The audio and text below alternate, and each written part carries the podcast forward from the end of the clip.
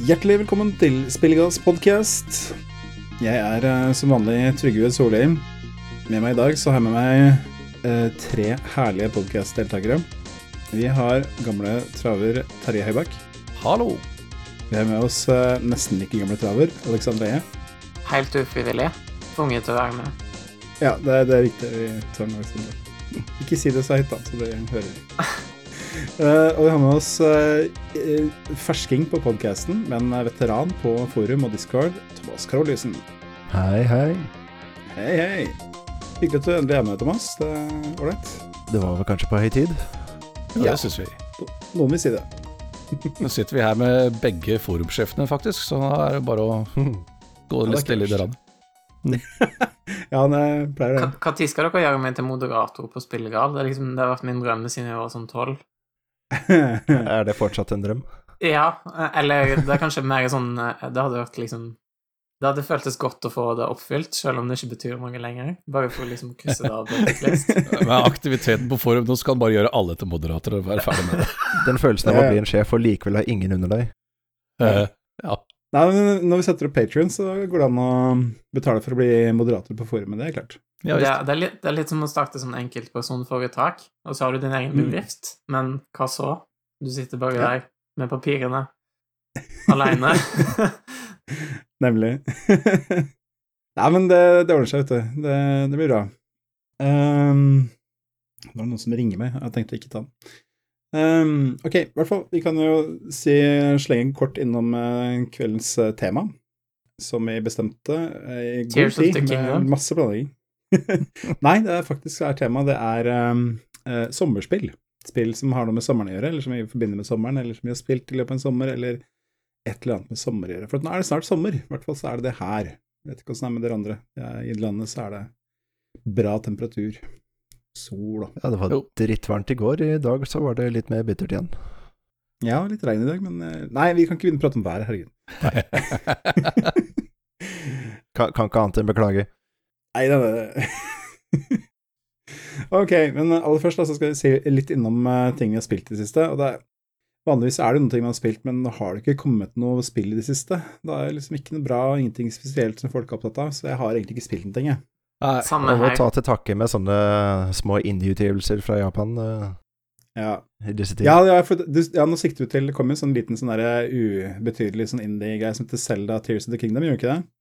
Vi gjorde det. Her tror jeg på at jeg i likhet med snart 30 millioner andre mennesker driver og spiller på det, ja. ja. Nei, selvfølgelig. Spilt eh, mye Zelda de siste par ukene. Det er det som har tatt opp mye av tida.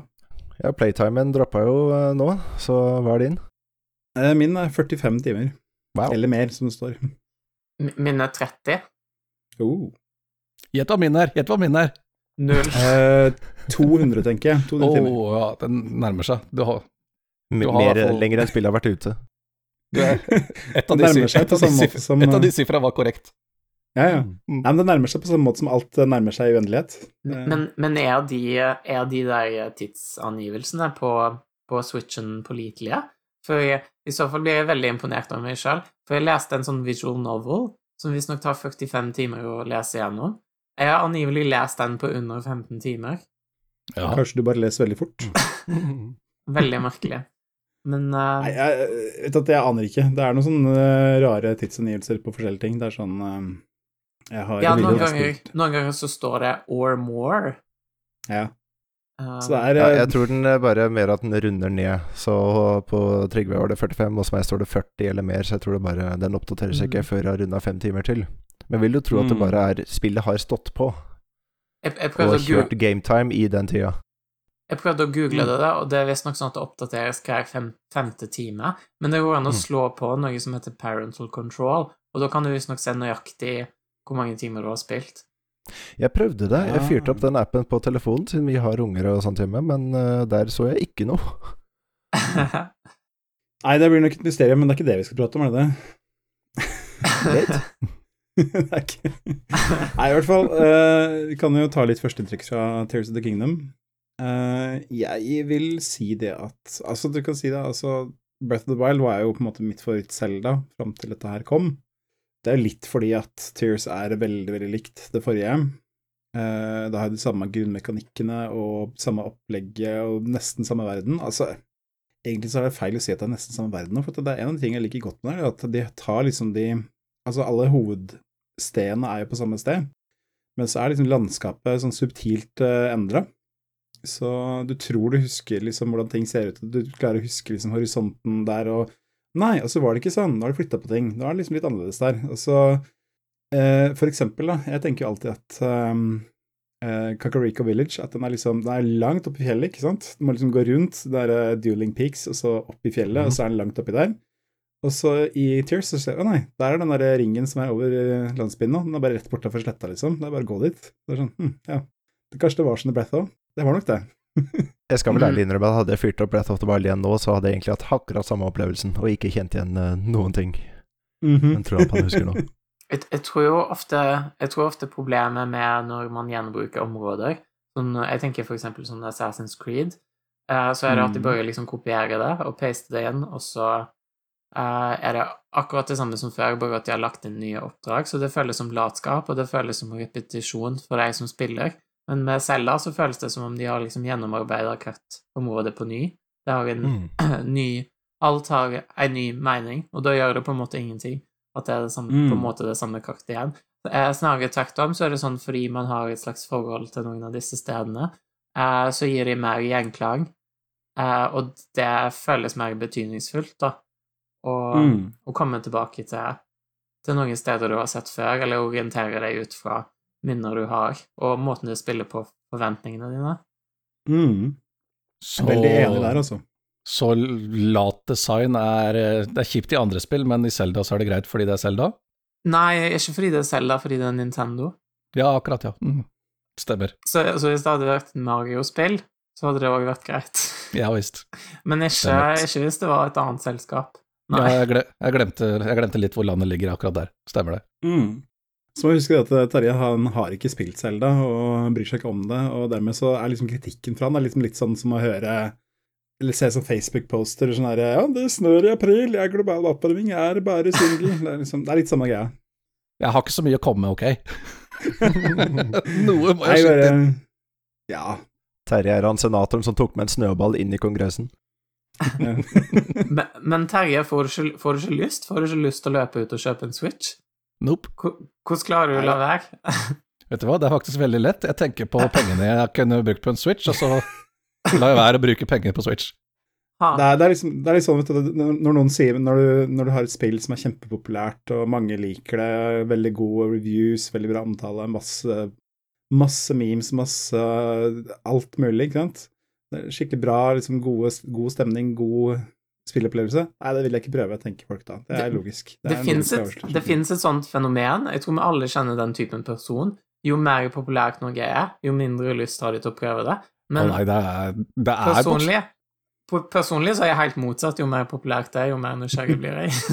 altså, det er bokstavelig talt det at jeg er ikke interessert i å fly ut og kjøpe enda flere spillplattformer. Jeg har nok med de jeg har. Altså, det er en fair assessment, det. Ja, ja, ja. Altså, hadde jeg eid uh, Nintendoer og Switch, da, så er det sikkert, helt sikkert det spillet jeg hadde skaffa. Det, er ikke, det er ikke noe tvil om det. Jeg er ikke noen sånn Zelda-hater sånn sett. Men uh, Jo da, det er du.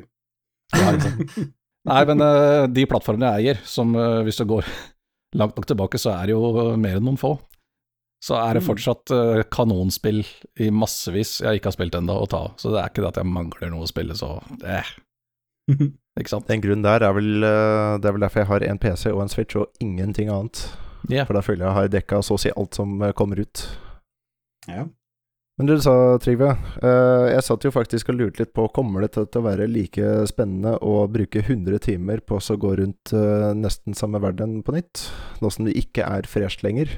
Og førsteinntrykket var vel umiddelbart at ja, det, det er det. Fordi jeg føler at de lente seg veldig inn på mobility. Mm. Og det er en av de største oppgraderingene, syns jeg. Du har uh, noclip-abilityen. Du har uh, mm. den ene greia du får der du kan uh, komme deg lenger framover, og du har selvfølgelig at du snekrer sammen maskiner som kan ta deg rundt. Og det er nå rett og slett bare mye, mye morsommere å komme seg rundt og oppdage ting rundt i verden, og det syns jeg er helt fabelaktig. Mm. Enig der, altså. Jeg syns uh, det, uh, det du sa, Alexandra, om at det liksom på en måte spiller på den opplevelsen du hadde i Breath. Er liksom, eh, det tror jeg er veldig bevisst. Uh, og så liker jeg det at um, tårnet du skal klatre i nå, det er liksom ikke Altså, du skal ikke klatre heller, da, men du skal jo Da kommer du liksom så langt opp at du kommer opp til de skyøyene. Så um, du kan liksom uh, sveve derfra, komme noen kilometer av gårde. Så um, Enda et point i mobility. mm.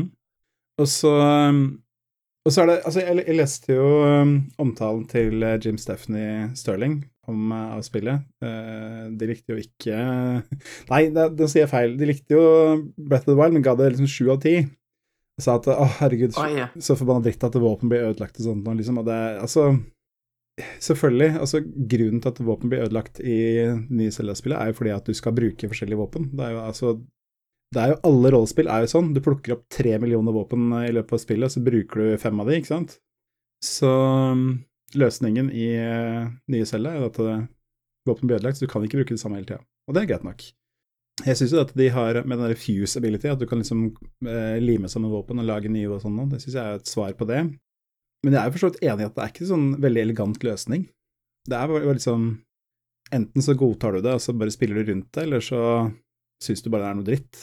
Og det skjønner jeg for så vidt. Det er liksom sånn enten Jeg, jeg, jeg, syns, det er en utrolig fascinerende mekanikk, for på en måte så blir man irritert, men jeg ser jo det der med at du får jo noe å gjøre på, som mm. du ellers ikke ville fått å gjøre på. Det er jo dette med å, og, og, dette med å hele tiden måtte finne nye våpen, og å tenke på eh, styrken i våpnene. For ofte så er det sånn at jeg har et våpen som har liksom 30 i styrke, og så har jeg masse våpen som har 7-8 i styrke. Mm. Og sånn, hvilke skal jeg bruke nå? Eh, og liksom Og en ting jeg lurer på, hva er deres strategi? Eh, er det sånn at dere aktivt liksom eh, husker at her er det veldig mange kule våpen, så hvis dere mangler våpen, så reiser dere tilbake og henter de? Men man må jo uansett gjøre noe sånt med, med liv, eh, fordi det er i hvert fall det jeg pleier å gjøre. Jeg pleier liksom å, å samle opp masse mat, og så lage masse oppskrifter, og så har jeg med meg masse sånn ferdige oppskrifter av mat, da. Og det er jo det som er liv i spillet, da. Mm. Eh, så ofte så er det sånn at jeg, må, jeg, jeg går tom for mat, og så må jeg ta en liten runde hvor jeg, jeg vet et par lure steder hvor det er mye bra mat, og så samler jeg det inn. Og så, og så sitter jeg der og så lager jeg mat, og så reiser jeg tilbake og fortsetter der jeg var. Mm. det er jo sånn uh, det, det, det, er, det er ikke sikkert at alle spiller det og reagerer på disse mekanikkene på samme måte. Men det fascinerer meg veldig. De, må, de har jo antageligvis gjort mye sånn eh, testing med Jeg forstår at Nintendo gjør det veldig mye, at de lar folk spille, og så ser de på hva de gjør. Mm. Eh, så de har jo antageligvis eksperimentert veldig mye der. Ja. Og sett De har jo sikkert sammenligna hva som skjer når folk har eh, Når folk har våpen som varer for alltid, Mm. og når de eh, ikke har det. Ja, eksakt. Uh, jeg, jeg, jeg så video fra um, eh, Game Designers Toolkit på YouTube uh, her om dagen, um, som handla om eh, Som het How Nintendo Fixed Zelda's Open World Problem. Og da sa Det er liksom basert på en um, et foredrag som ble gjort på japansk for mange år siden, og som på en måte ikke ble oversatt, så han hadde liksom gått inn og undersøkt og funnet ut av hva de egentlig sa der. Og da En av de første prototypene var det at det var samme, altså, sammenlignbart kart som det er i dag, men at man liksom på en måte hadde de veiene som på en måte pekte veldig tydelig mot dit du skulle gå. Dots and lines. Ikke sant? så da var det sånn at du fulgte veien, og så kom du til sånn, eh, en by eller et, eh, en landsby eller et tempel eller et eller annet, og så gikk du dit, og så var det liksom det du skulle. Da fant du ut at enten så fulgte spillerne veien, og så bare slavisk, og følte at jeg har ikke noe, egentlig noe valg her, liksom. Jeg bare følger veien, og så kommer jeg dit jeg skal, og så er jeg ferdig. Eh, eller så bare gikk de vekk fra veien, og så ble de bare helt fortapt, så bare gikk seg vill, ble borte, og fant ikke noe veien tilbake. Så derfor så begynte jeg å lage det med at um, alltid når En du går over... viktig essens over der er jo at begge begge gruppene av spillere følte seg frustrerte. Yes, Fordi ikke de fleste følte seg railroada, og de andre bare forvilla seg og fant ikke noe spennende. Mm. Så um, det er der det kommer fra, at hver gang du går over en sånn liten bakketopp, så skal du se noe nytt. Da er det liksom eh, dotter rundt sånne små shrines, eller eh, et landemerke, eller eh, eh, bålrøyk du ser langt unna, eller sånn noe. Bålrøyken merker du veldig godt hvis du blir obs på det, at eh, når du er langt unna, så ser den bålrøyken er enorm. Den er helt kolossal, ikke sant. Du ser en sånn diger røyksøyle fra et bitte lite bål. og så kommer den helt bort, og så er det en bitte, bitte liten røykdott som kommer opp av og til. Så den er, blir justert ettersom hvor nære du er. Det er veldig tydelig. Og jeg syns spillet er utrolig bra på akkurat det òg. Sammen når Mm. du liksom hopper fra en stor høyde, så, blir det, så, så er det veldig sånn tydelig hvor ting befinner seg, og hvor du har lyst til å gå. Og, sånn. Mm. og det er ikke alle open world-spill som er gode på det. Det, det får, får deg veldig til å, gir deg veldig lyst til å utforske, da. Mm. eh, når på en måte spillet er så godt på å tilpasse på en måte grafikken for at du skal kunne se interessante ting. Det er kanskje ikke så nøye om det er i høy oppløsning, så lenge du bare ser 'Å, wow, det er langt der borte', så er det en kul, Mm. kul ting jeg er nysgjerrig på. Hvor ofte har dere sett noe på toppen her og tenkt ok, det, jeg tar og så sjekker ut hva det er, og på veien så har det blitt distrahert tre ganger. Yes! Altså, Bare Det er tre? grunnen til at jeg har over de 40 timene med tre unger i hus og fulltidsjobb, og det, det har bare vært ute én uke. Yes. 40 timer er en arbeidsuke. det, ja, det er vel så det. Så det blir litt Nei, men det, det er akkurat det. Altså eh, du, Jeg ble litt Hadde det ikke vært for det Fast and Furious-maratonet mitt, som sidetracka meg, eh, så hadde jeg vært oppe i 40 timer òg. Minst. Uff. Nei, men d- altså det, det, du ser det veldig godt. Du ser det enda tidligere i det spillet her, da. Med, um, at det Shrines i det forrige var veldig Altså, de gløda jo oransje, ikke sant, så du kunne se det veldig tydelig. Uh, her er det liksom den der grønne spiralen over, eh, over taket, og så er det den liksom, liksom blå aksenten under, ikke sant. Det, er, eh, det skal være enda tydeligere at her er Hit vil du. Og den stiger liksom en meter opp over taket, og liksom bare sånn du skal være sikker på at du kan se det fra en bakketopp. Og så elsker jeg Favorittdesignen min i de spillene, det er stallene. Det er fordi de ser ut som digre hestehuer med tenner på tørk. Det syns jeg er så vanvittig kul design. Det verste Det er selvfølgelig at du skal ha lyst til å dra dit. Er Mhm. at jeg spilte Breath of the Wild i et par hundre timer, og jeg så ikke at det så ut som et hestehode før jeg spilte Tears of the Kingdom. Oh! Jeg oppdaga det nå nylig. At dæven, det er et svært hestehode. Ja, stemmer det. Ja, nei, det Faktisk den videoen du nevnte i stad. Ja. Men Aha, eh, ja, er det, er det noe som faktisk er nytt i dette ti av ti-spillet? Ja, ikke- jeg, jeg har en ting Jeg skulle til å si en ting Ja. som vi må snakke om. ja, uh.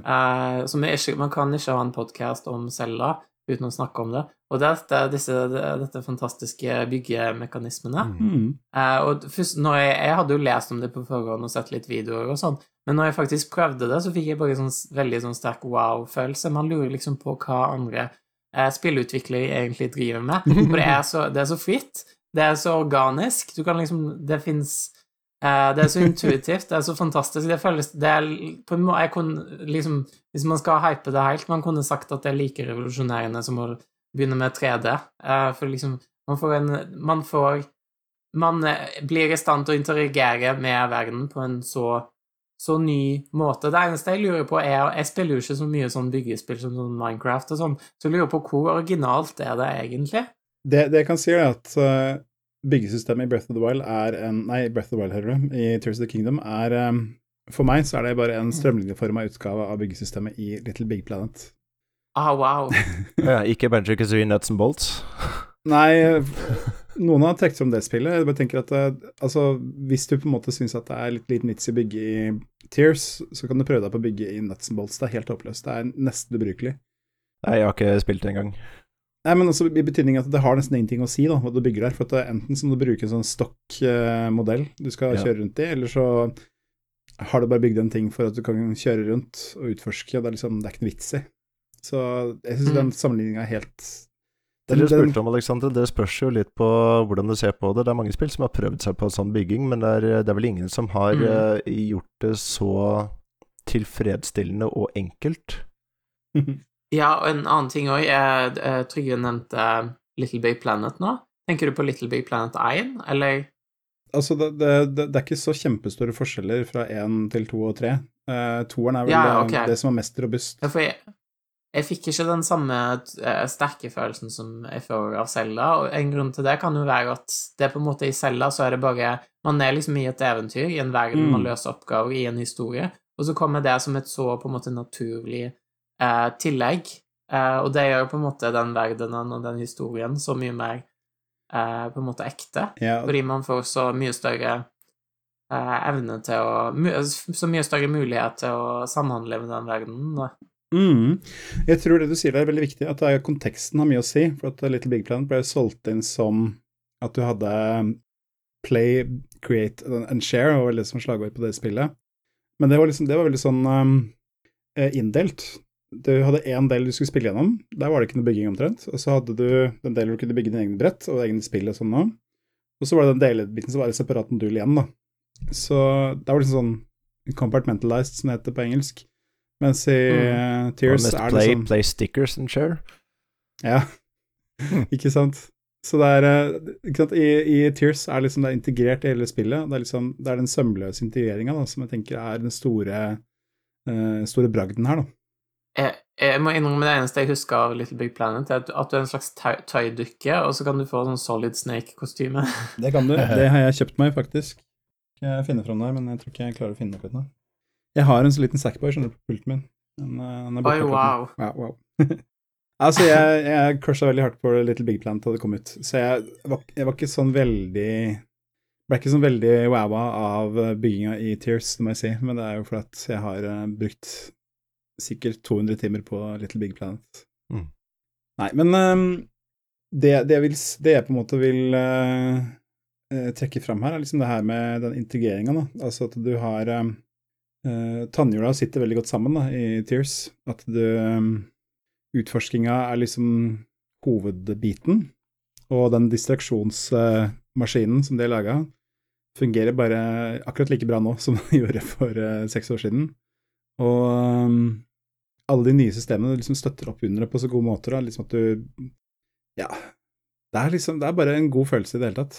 Det er Jeg syns det er Det er liksom Det føles veldig som det føles veldig som eh, det første Zelda-spillet, bare i enormt mye høyere oppløsning, da. At uh, stedet, der hvor Zelda 1 var veldig abstrakt og veldig sånn uh, nedstrippa av nødvendighet, for at du kunne ikke få til så mye mer på en 8-bits-maskin, så er liksom det her er uh, Hva hvis vi har det åpen verden-gameplayet fra Zelda 1, men bare legge på alt mulig vi kan tenke oss som gjør det enda bedre å spille? Og det mm. Jeg syns det ivaretar essensen veldig godt da Brett of the Wild kom, så var det mange som var sånn ah, nå kommer alle til Nå har Brett of the Wild revolusjonert sjangeren, og nå kommer alle til å inspirere seg, og så kan man diskutere i hvilken grad det har skjedd.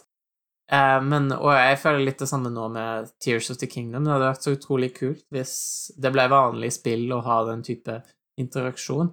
Noe som jeg syns er så utrolig kjipt med disse, alle disse store AA-spillene, Triple A-spillene, mm. sånn Assassin's Creed og God of War og alt det der, er at det er så det er så få måter Du har liksom denne filmen eh, oppå spillet, men selve spillet tillater deg å samhandle med verden på så få og så bestemte måter. Mm.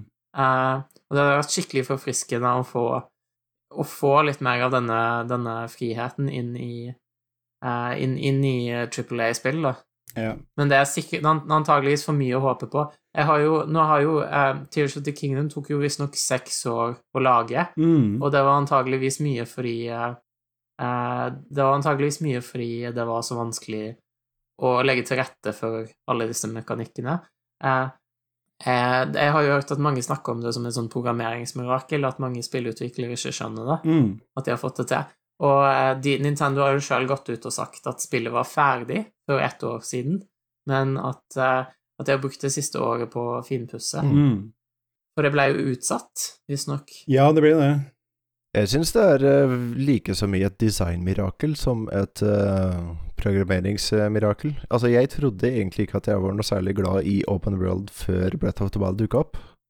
Mhm. Åpenbart hvordan ting kunne være. Jeg spilte jo noen av de, GTA 5 og uh, litt sånne ting, men jeg, jeg, fikk aldri glede av verden der. GTA5 ble veldig fort en eh, sånn der en uh, critical path uh, bare for å få de kule cutscenesa, og så orke seg gjennom gameplay-seksjonen imellom.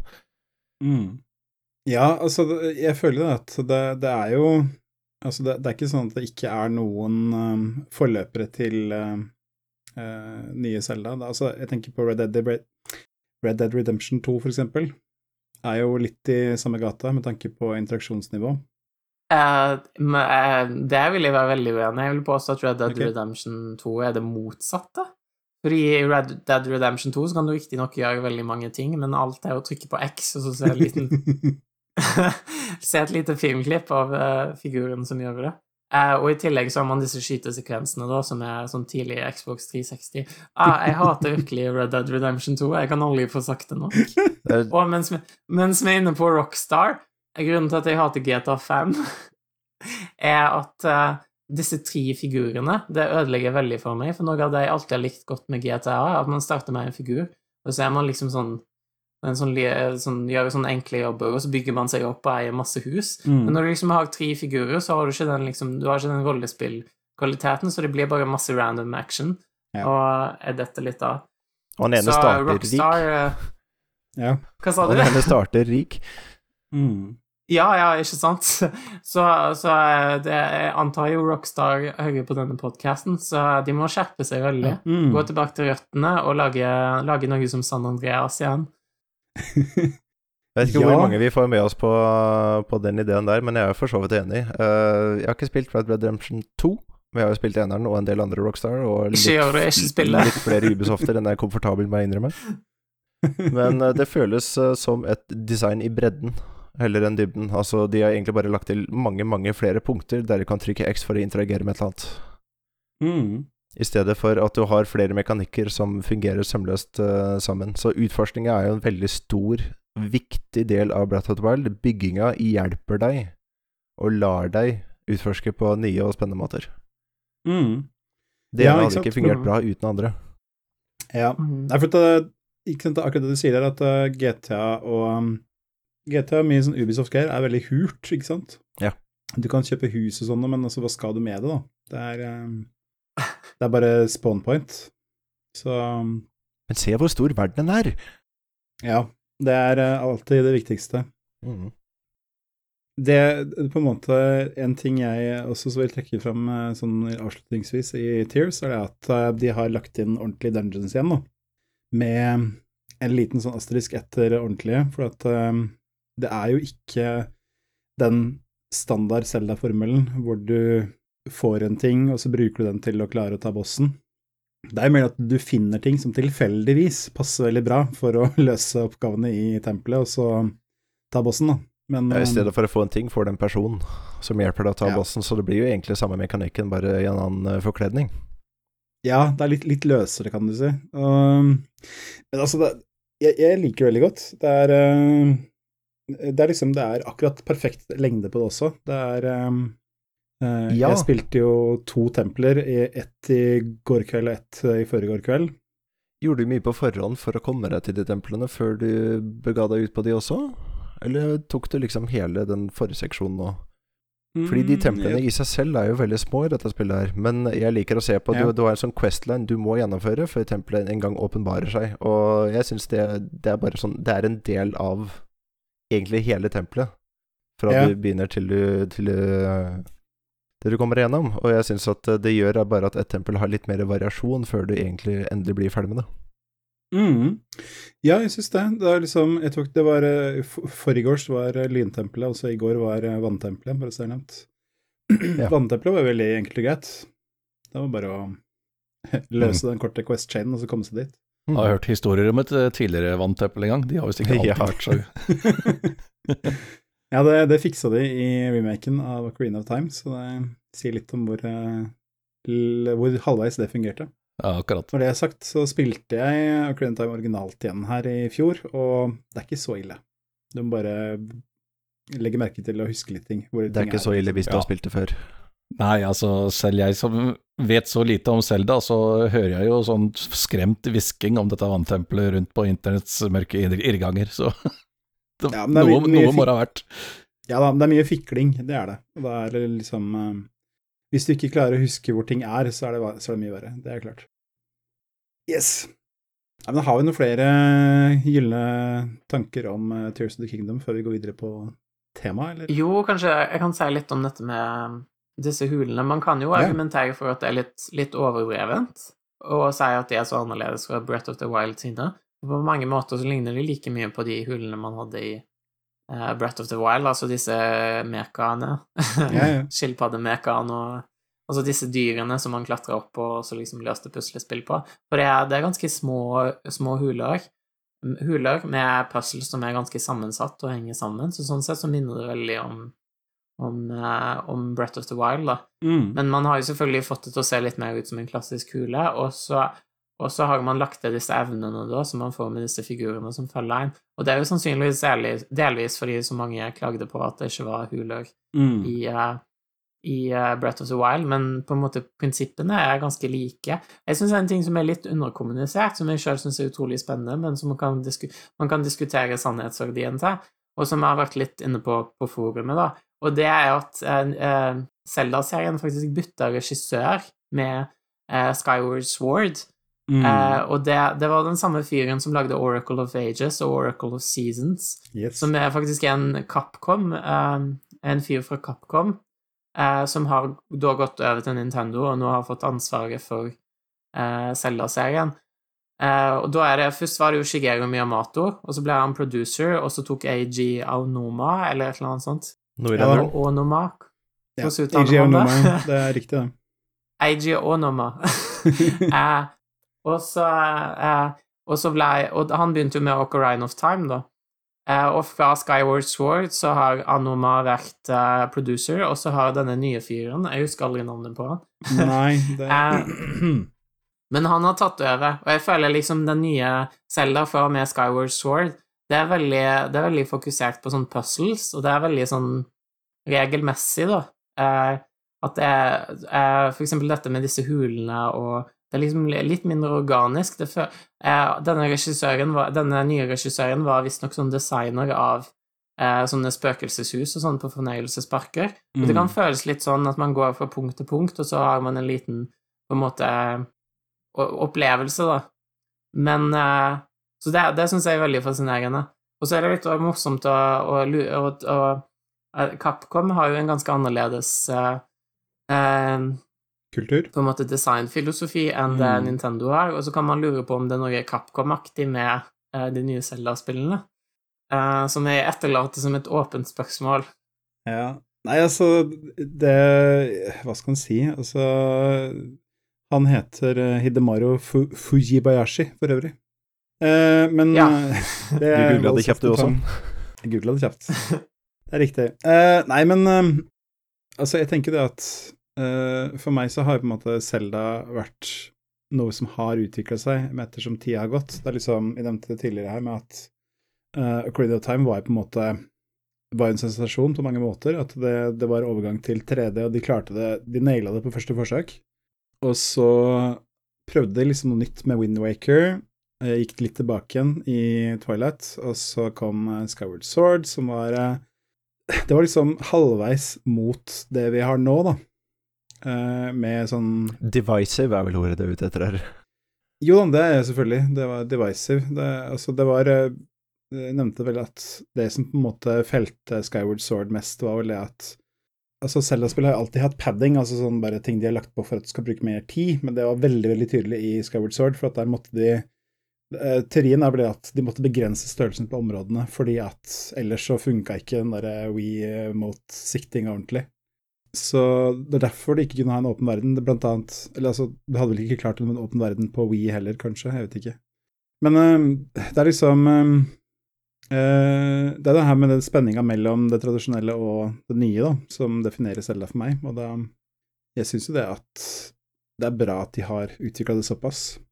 Men så kan man si, altså det, Jeg leste også en litt interessant take her fra Eurogamer, som, um, hvor de sa at um, anmelderen håpte på en måte at, nå, at han tok feil, at ikke nye systemet med Fuse og sånne ting, at det var liksom på en måte din, den veien du de kom til å gå, med at det var mer og mer fokus på det med farming og få tak i crafting materials, og liksom at du skulle drive med sånn busy work da, for å komme deg videre.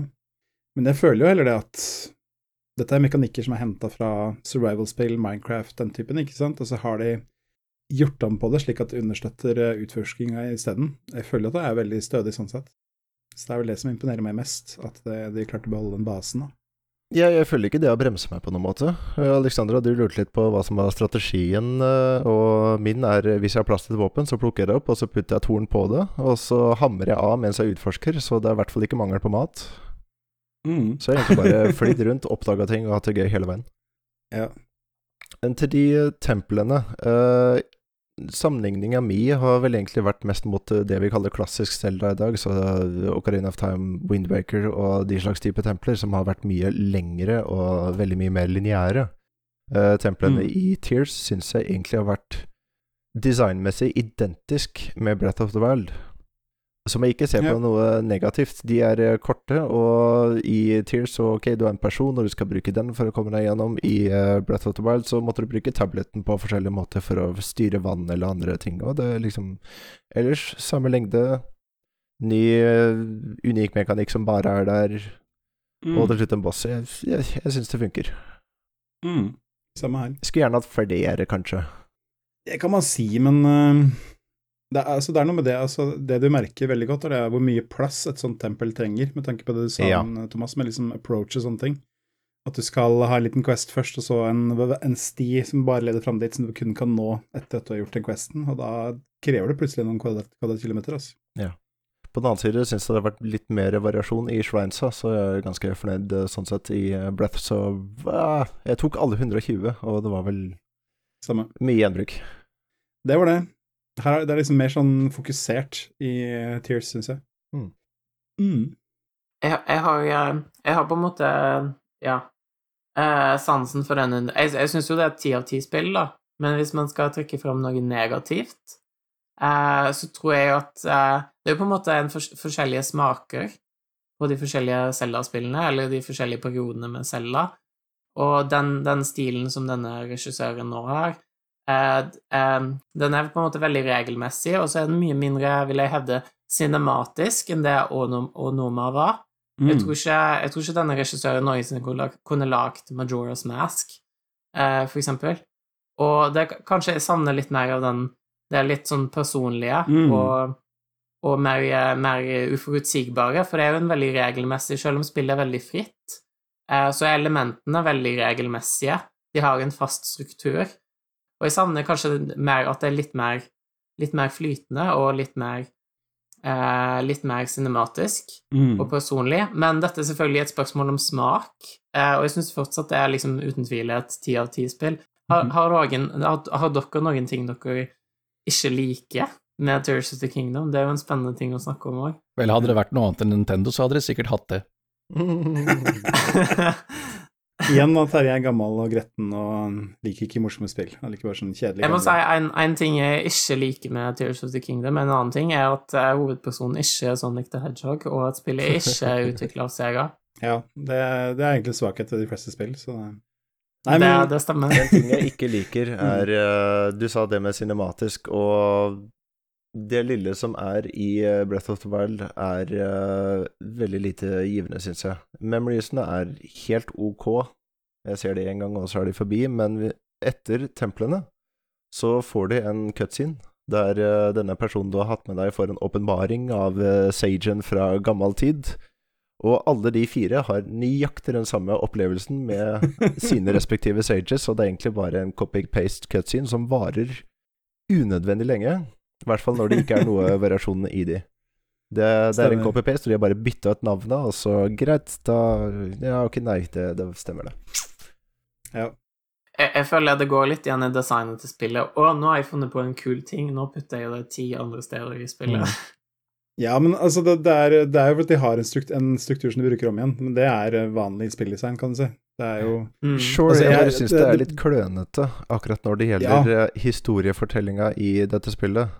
Og Mm. jeg syns det kommer ekstra tydelig fram når eh, spillet ellers dreier seg så veldig mye om å bare utforske og ha det gøy og løpe rundt i verdenen, som, sånn det ikke er så mye avbrutt. Nei da, men Så- det kommer jo av det samme. Og den fine motpolen er jo Skyward Sword. Jeg liker Dungeon Size Skyward Sword veldig godt. Jeg liker Overworlden, jeg liker Mm. egentlig det aller, aller meste. Det jeg hater med spillet, er at jeg må bruke halvparten av tida på å trykke A for å komme meg videre fra en dialogboks. yes. Det, du bruker mer tid på det enn å faktisk få lov til å spille i Skyward Sword. Ja, ja de, de rådene i remaken, for så vidt, men eh, ja. Det er Ja, riktig men det, det er følelsen jeg sitter igjen med etterpå, og det er ikke Da, da er det ikke kjære minner. Nei da, da, det er det derre feis med maser til. Men eh, ja. Ja. Nei, men eh, altså, det, det er jo en konsekvens, selvfølgelig, at uh, du kan ta hvilket tempel du vil i hvilken rekkefølge du vil, så er, da må de passe på Ja å få med deg hele historien. Men det er liksom Ja, de kunne ha variert, det kunne de gjort. Men eh, det, jeg jeg er enig i at eh, det er mindre personlig, mindre intimt. Men eh, det jeg syns de gjorde en god eh, greie med i Tears, var det at du har noen sånne sære karakterer som kommer innom og gjør rare ting. For han, eh, hvis du besøker avishovedkvarteret, så du, blir du teama opp med en reporter som er en pelikan. Uh, han er dritkul. han uh, besøker alle stallene rundt i hele Hyrule, og så skal du løse sånne små quests som da bare er sånn hint da, om hvor Selda kan ha gjort det seg. Sånn. Det er, alle, er, alle har litt sånn undertone med humor, og det, det liker jeg veldig godt. Mm. Så, så Jeg prata med han to-tre ganger, og så har jeg fått en ting jeg skal prøve å gjøre, og så har jeg blitt distrahert, fordi det er det spillet gjør. Mm. Det er også et poeng. Nei da, men eh, sånne ting. Og så så er det ei sær dame som driver og utforsker alle brønnene i spillet. Da må du selvfølgelig utforske brønner foran, sånn at du vet hvor det er hen. Skiltmannen Jeg har skilt meg også. er Nei, herlig er corny på en måte som du aldri ser andre Mm. steder fra, fra japanske spill. Så å ha det sånn storslagerspill og så utrolig merkelige corny figurer som det der, det er eh, Han, han kommer seg han kommer seg overalt. Han er litt som The Mercenary i Resident Evil 4. Ja, ja. Liksom, det er å klatre over Det er å klatre over liksom verdens største fjell, og liksom oh, my god, ingen mennesker har vært der før. Ja, ja. Og så står han der og hamrer på det skiltet sitt som vanlig, eller holder det oppe. Ja, midt i en aktiv vulkan. Nei, jeg skal bare sette på et skilt her ja, med reklame for bygningsfirmaet mitt. Så det er, så det er sånn er det. Akkurat som i virkeligheten. Akkurat som i virkeligheten, det er riktig. Jepp. Det er, det er det som er jobben din, er det ikke det, Terje? Gå rundt og bare putte opp eh, skilt for uh, snekkerfirmaet? Ja, ja. Ja, ja. Mesteparten av dagen går til det. Mm. Ja, det var det jeg regner med. Så venter du på at du skal komme noen og hjelpe dem å montere det, liksom. Det er, yep. eh, Mm, det det er- tilfeldig forbipasserende kommer og skal snekre det opp for deg. Det er min jobb å montere dem, men uh, ja. jeg må alltid ha noen til å gjøre det for meg. Det, ja, ikke sant. ja, det er sånn det fungerer. Da, Helt riktig. nemlig, det er godt å høre at det er realist, men eh, ivaretatt. Seks av ti spill. Seks av ti, liksom. Det er, bare informer om at det er et elleve av ti-spill. Det er eh, Breath bare ti av ti, så da er dette elleve av ti. Enige. Ja, men greit. Jeg, jeg, jeg tror jeg begynte å utvikle følelser for Pura. Hva er det hun heter? Pura? Eh, ja. tror, dere, tror dere jeg har Purra. på henne? Eh, hun er eh, kanonisk, så er hun flere hundre år gammel, da. så det kan hende hun eldes litt raskt. Det er jo en, et aber. Men altså, skal jeg, eh, helt ærlig så er ikke jeg helt fornøyd med designen på den dama, for at det er så åpenbar eh, fanservice. Men uh, Sorry, jeg får umiddelbart dårlige vibber når noen forteller meg at å nei, den figuren i dette spillet er egentlig flere hundre år gammel. Ja. ja. Så det, det, jeg tror ikke det funka å date henne. Jeg tror det blitt det, Hvis dere er sammen i to år, liksom, så blir det, begynner hun å kjøpe comfort drops og samle på katter og sånt. så Yes, yes. Nei, men uh, vi lar den herlige tanken der være avslutninga på Tears of the Wild Kingdom uh, Breath-diskusjonen, tenker jeg. Hmm. Skal vi kjøre i gang med temaet, eller? Og, og skal, ikke, skal ikke Terje snakke om sin, sin, sitt spill? Eh. Har han spilt noe? Nei, jeg får ikke lov. Han har ikke spilt uh, Telltales. Nei, vi har Nei, da, men Nei, det, eh, nei, altså, bare- nei, det er bare en sånn Det er en sånn artig sak som vi kan bruke ti minutter på en eller annen gang, men uh, nå har vi kjørt en Tears-greie så lenge at det kan godt uh, ligge til en annen gang. Nei, men få høre. Nå, Det Det er nesten litt synd, fordi jeg, jeg fant en gameplay-video, og jeg skjønte ikke bæret av hva som foregår. det er akkurat det. jeg, Altså. jeg, Det som er kult, er at jeg tror jeg har en liten ting å legge til der, så vær så snill, ta Ja, det er muligens det, er muligens det den, den kule tingen er muligens hele grunnen til at jeg tar det opp. Kanskje. Vi får se. Spennende. Vi får se. Uh, vi snakker om uh, Vel, dette er noe jeg har hatt liggende siden i høst, for uh, hvis dere husker så gikk jeg gjennom PlayStation 1 demodisker i høst. Hvor jeg blant annet fant den der perlen Trouser Trouble, husker dere det? Ja, jeg husker den, dessverre. ja. Uh, det her er kanskje ikke en like bra historie, men uh, det er en demo på den samme uh, demoplata, forresten, som heter Sentinel Returns. Mm. Som er en remake av The Sentinel fra 1986. Den klassikeren til Jeff Jeff, Crammond som lager den, ikke det? Ja. den, ja, den klassikeren til Jeff Crammond, ja. Mm. Ganske historisk. Var et av de tidligste 3D førstepersonsspillene overhodet. Laga til en BBC Mm. Micro. Og eh, så en BBC Micro er ikke akkurat en kraftig sak. det, så eh, du, du, du, du må se for deg et rutenett. Eh, Du, er, du står på et landskap som er et rutenett, men det er høydeforskjeller. Og Mm. du blir plassert på en av de rutene, og kameraet er vendt én vei, og en, en BBC Micro bruker tre sekunder eller noe sånt på å tegne opp, rendre skjermbildet én gang, altså én frame.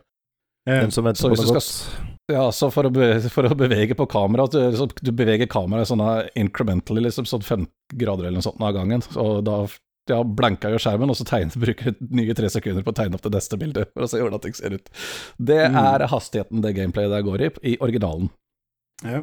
Ja, øh, gameplay er jo at du skal bygge deg oppover så høyt som mulig, for helt på den øverste høyden så står The Sentinel sjøl. Og øh, du gjør det ved å absorbere gjenstander som du er høyere enn. Så hvis det er et tre på et lavere nivå enn det du er, så kan du absorbere det. Bruke den energien du har absorbert til å lage deg en plattform som du kan teleportere til. Og sånn kommer du deg høyere og høyere opp i landskapet til du til slutt er høyere opp enn The Sentinel og kan absorbere han. Han derimot, han driver og sakte roterer 360 grader, og kommer han på synslinje med deg, så er du død. Mm. Så du må hele tida ha oversikt over eh, hvem vei han ser, og hvor du befinner deg i landskapet. Det var et ekstremt klaustrofobisk og hektisk og skummelt eh, stemningsspill den gangen det kom ut, og det gameplayet gikk ut på dato sånn cirka dagen etter. Nei, ikke fullt så gærent, det var ganske kjent i et par år, ble porta av alle plattformer, men det er en kjent og kjær klassiker, særlig for eh, briter, og brit, veldig viktig spill for britisk spillindustri, eller for spillhistorien i det store hele, egentlig. Så Inde det Så- rendrer neste frame. Ikke sant? Så finner noen ut at de skal remake det her i 1998 til PlayStation og PC. Og eh, det, fordi The Sentinel hadde den historien det hadde, så blei det hypa ganske bra opp i britiske spillmagasiner og sånt nå. Og denne demonen som jeg har spilt, eh, kom ut da. Og så kom spillet ut, og siden har ingen hørt eller sett noe til det. For det sank som en stein i glemselens dyp, og borte er det. For eh, det er jo akkurat det samme gameplayet denne gangen, men nå kan du faktisk flytte kameraet og se deg rundt i real time, da. Det, men det er det eneste, ellers så har du fortsatt akkurat det samme kjipe, nå kjipe gameplay. Det som en gang var spennende som fungerte i 86, det fungerte ikke lenger i 98, rett og slett. Men det som var litt kult med det, var eh, at eh, de hadde laga en, eh, en helt ny design på det. Istedenfor veldig sånn lyst og pastellfarga som originalen var, så var det her veldig mørkt og horror-tematisk. Veldig Altså, gothic look på det. Eller gothic abstract. Stemmer. Og eh, det første som møter deg, er jo menysystemet i spillet, da, som er sånn overdesigna greier med sånn masse animasjoner og drit, ikke sant. Bare liksom du, ett menyvalg gi- gir en lang animasjon hvor det er gjennom noen dører, noe dritt som flytter seg rundt i reagensrør og, og damp og masse greier, og så er det på den neste menyen. Ja, sånt menysystem som er ordentlig kreft å navigere seg i. Det var jo det som var standard for 90-tallet. Alle DVD-er og DVD-menyer. Uh, bowling. Stemmer. Så eh, designmessig var det veldig kult, og for, denne, for å bygge opp under den stemninga her, så hadde de også ganske stille soundtrack som umiddelbart eh, hørtes veldig kjent ut, kunne minne veldig om ting som Thing eller Halloween eh, og sånne ting. Og jaggu faen, kikker i credits, så står det faen meg soundtrack by John Carpenter. Oi. Og, Nice. Ja, det, det det, jo What? så, Jeg så ikke den det komme. kan, kan, det, kan det være orgi... Ja, faen meg det. De hyra inn jævla John Carpenter Jøgge. til å lage soundtrack til det spillet. Så i hele sin karriere har John Carpenter, Carpenter laga ett eneste spillsoundtrack, originalspillsoundtrack vel å merke, noensinne, og det er det der råtne møkkaspillet her. Han, han er visst gamer. Han snakker om å lage Dead Space-film, og sånn gjør han. Ja, ja, ja, han er, han er det. Og det. Ja, folk flest kjenner han jo som en sånn horrorregissør, da, som lager horrorfilmer og sånt, men det de aller fleste også vet, er at han også lager all filmmusikken sin sjøl. Mm. Alle disse kjente temaene fra de horrorfilmene hans, det er, det er han sjøl som lager de. Det er Så eh, jaggu fader hyra de inn han til å komponere det her, og det, mm. Det er eh, kanskje ikke det, det, det aller beste du har hørt ifra han, men det er søren meg tematisk og eh, Ja, det er Carpenter, altså, hvis du har sansen for de der atmosfæriske... Musikken til det The Thing er nøyaktig én tone, og han fikk det likevel til å funke, så Ja, all ære til han. Så det er søren meg noe, altså. Så det var noe jeg bare snubla over her eh, i høst da jeg gikk gjennom disse her eh, demoseriene. Det er en kul ting, det, det må sjekkes ut. en ting jeg noterte meg at jeg måtte se og få nevnt en gang, og så har det egentlig kokt vekk for meg, fullstendig. Til jeg faktisk i dag på jobb bare gikk og hørte musikk på øret på random, og så kom den sangen, for jeg rippa jo den fra demoscenen den gangen. Mm. Så bare kom den sangens, ene sangen som lå der, bare kom på øret, og så liksom Hva faen? Det er en ting jeg har glemt. Så ja, det er bra.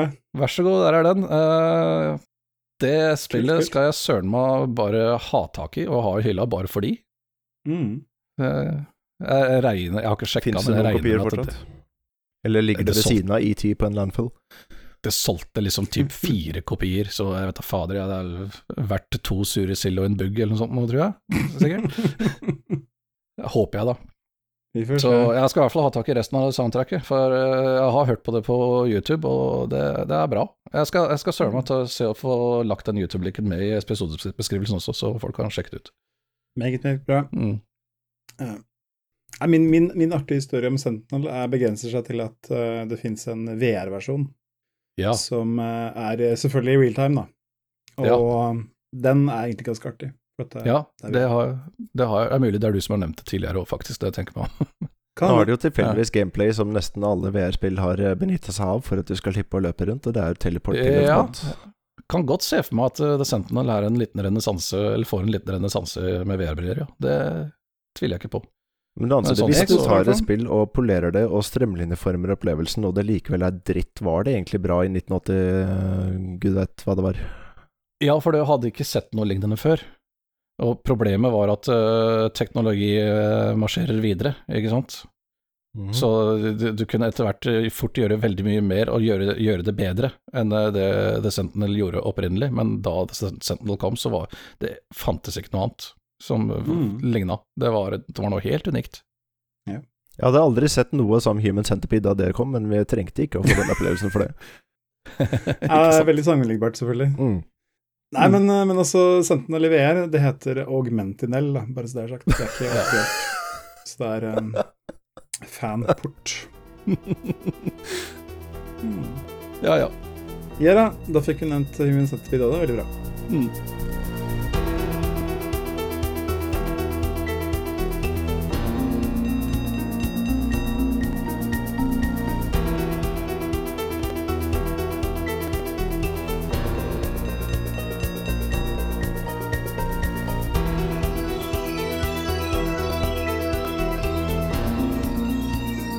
Yes, da er vi endelig kommet til episodens tema, sommerspill. Og spørsmålet som var i forkant er, er det spill som har med sommer å gjøre, eller er det spill vi spiller om sommeren, eller hva er det? Og svaret er ja. Det er det. Spill et spill på sommeren nå. Ja, gjør det. Ja, det hender faktisk. Det hender. Altså, det er, det, er ikke, det, er ikke, det er ikke Kanskje ikke så kjempemange spill som spesifikt retter seg inn mot sommer, men eh, det er i hvert fall en del spill som eh, passer veldig bra å spille når det er sommer, da. At man liksom har litt uh, ledig tid, man har ikke så mye man skal gjøre, man kan slappe av litt, og på kvelden så er det godt å sette, seg foran TV-en og ta noen runder med et eller annet som eh, gjerne var litt lenge, syns jeg i hvert fall, da. Mm. Yes. Uh, skal du uh, ta stafettpinnen først, eller, Thomas? Er det siden du er uh... Ja Jeg lurte jo litt på hva jeg egentlig skulle komme med her, for eh, det er ikke så mye forslag eller spille jeg typisk uh, spiller på sommeren, men det første jeg tenkte på, var at uh, GameCuben er egentlig det første jeg tenkte på da jeg, da jeg tenkte på sommer. Og det Ja. har litt med å gjøre at den var så liten og nett at uh, det blei Den blei rett og slett bare drassa med meg i alle steder jeg reiste. Så sommerferier og turer til venner og sånt, så det var liksom bare Den har til og med en egen hank, så det er bare å så røske den med seg. Så det er gått uh, mang en sommernatt uh, med Smash Bros og skikkelig klamme hender og god stemning. Så utrolig mange gode minner derfra. Ja, Så jeg fikk den også litt seinere enn uh, launch, så egentlig bare generelt, selv om spill ble gitt ut vinter eller var, det er mange gode sommerminner derfra. Mm. Men de siste har, årene eh, ja. Nei, det er Nei, jeg tenkte å bare skyte inn at uh, GameCube og sommer for meg, det er jo én ting som er uh, en bauta der, og det er det at uh, sommeren eh, 2003, eh, eller i mai, da, rett før sommeren, så kom selvfølgelig Legend of Zelda, Wind Waker, kom ut på GameCube. Det var stort. Så så man ble det seilt på de sju hav, for å si det sånn. Men det er, eh, det er liksom sommerspill nummer én for meg, for at det er liksom den der lyse, koselige grafikken og ut på bøljan blå og utforske øyer og sånne ting. Det, er, eh, det hender jeg spiller om sommeren bare fordi at jeg forbinder det med sommeren. Så det er eh, Og vi var de eneste av en håndfull mennesker som faktisk likte grafikkstilen på den tida også. Det kan hende. Jeg, jeg, jeg har alltid likt det. Syns det har alltid sett fett ut. Men jeg vet at det er mange som ikke liker den stilen så godt. Ja, det, det, men det fikk så mye kritikk for det da. Og jeg har jo Mm. til og med en eh, gammel kompis som kalte det en tegnekube på den tida. Veldig sånn play, hardcore PlayStation, ikke helt voksen ennå. Men uh, i seinere tid så har jo folk innsett at hm, vet du hva, det, det spillet så egentlig jævlig bra ut. Det ser fortsatt veldig bra ut om du fyrer opp en GameCube nå. Det gjør det. Jeg, jeg, tror, jeg tror mye av backlashen antageligvis hadde å gjøre med den Var det på E3 de viste en sånn video av liksom Ocarina of Time 2, på en måte? Nei, de hadde Også, en tech-demo Ja, Mm, som sant? de viste fram. Og jeg tror, jeg tror folk bygde opp forventningene mot noe sånt, Ja. Mm. og så kom plutselig Og så kom plutselig Wind Waker. Jeg tror det andre elementet er at eh, tiåringene som spilte Ocarina of Time, er inne og blitt 15 år gamle og ikke helt sikre på sin egen maskulitet og sånt ennå, så Nå snakker jeg bare for meg sjøl og andre gutter, det er selvfølgelig jenter om.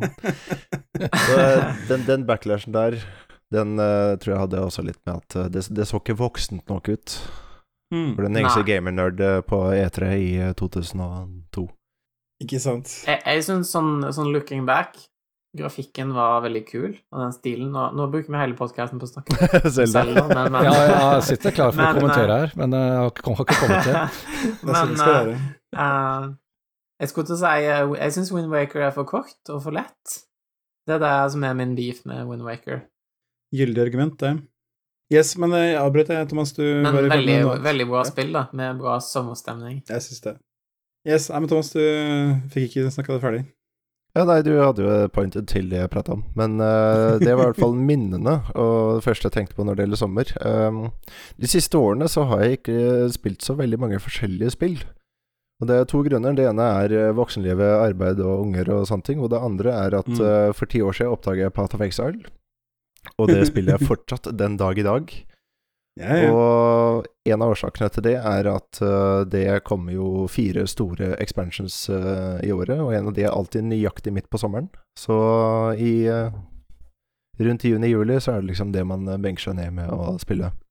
Ja, akkurat. Mm. Men hvis dere husker uh, Diablo 2 kom i 2000, og så kom Lord of Destruction expansion i året etter. Mm. Som var applaudert som en ganske veldig bra og stor expansion og skikkelig bra. Tenk dere at et spill som du liker veldig, veldig godt, får den type expansion fire ganger i året. Og der har du Path of Exile for meg. Og Det er Ja. grunnen til at jeg har nesten 3000 timer i det, og fortsatt eh, driver og spiller det. Oh boy. Det er voksent. Ja, det er bra. Det er, altså, det er jo velkjent, det der. da. Altså, jeg, jeg husker det Diablo 2, det er også det året som eh, Da flytta vi alle PC-ene våre inn i kjelleren til en kompis og spilte det hele tida som vi ikke var på Mm. jobb. Det, det var tider, det. Det var tider hvor jeg var mye sånn desperat, sånn sønderknust trøtt på jobb, i hvert fall. Det var helt sikkert. Ja, Ja, er... altså da vi først er inne på Diablo 2, det, det er det nærmeste jeg noensinne har kommet sykelig spilleavhengig. Jeg var eh, 15 år gammel da det spillet kom ut. Jeg var på ferie i eh, Berlin, så jeg hadde ikke PC å spille på, men jeg fikk det. Bare sånn ekstra fuck you av mutter'n. Nei da, hun mente det godt. Så, men det, det vil si at jeg psyka meg jo enda mer opp til at jeg endelig kunne komme hjem og få installert og få spilt det. Og nøyaktig samtidig så reiste jo fattern på en liten miniferie og sånn, så jeg satt aleine hjemme med det splitter nye Diablo 2. Og jeg spiste ikke mat på to og et halvt døgn. Oh. Mm. Så jeg sto opp, helte meg litt cola, begynte å spille Diablo 2, helte meg mer cola, spilte Diablo 2, la meg en gang midt på natta når jeg egentlig bare køla over ende, og jeg holdt det gående i nesten tre dager før jeg endelig ble dratt ut, og nå, nå skal vi ut og spise litt. Så ja, det, det har jeg tenkt ofte på i retrospekt, at uh, skal aldri la noe, om det er spill eller ikke, liksom overta så mye. Spill er en sunn hobby, dere. Jeg skjønner Så- ikke. Ja. Så det var den sommeren. Ikke sant? Altså, i voksen alder, så du klarer jo ikke drive på sånn. Jeg, jeg blir helt uh, fullstendig ødelagt hvis jeg sitter oppe til uh, langt utpå natta. Nå om Mm, dagen, ja. i hvert fall. Ja. Uh, jeg, jeg, jeg har det problemet sjøl, for å si det kort. Mm. Nei, det, som håndverker så og ofte må jeg kjøre langt, så jeg er også som regel ganske tidlig oppe, og jeg er altfor dårlig på å få lagt meg til nok som det er Ja, ikke sant. allerede. Så, Ja.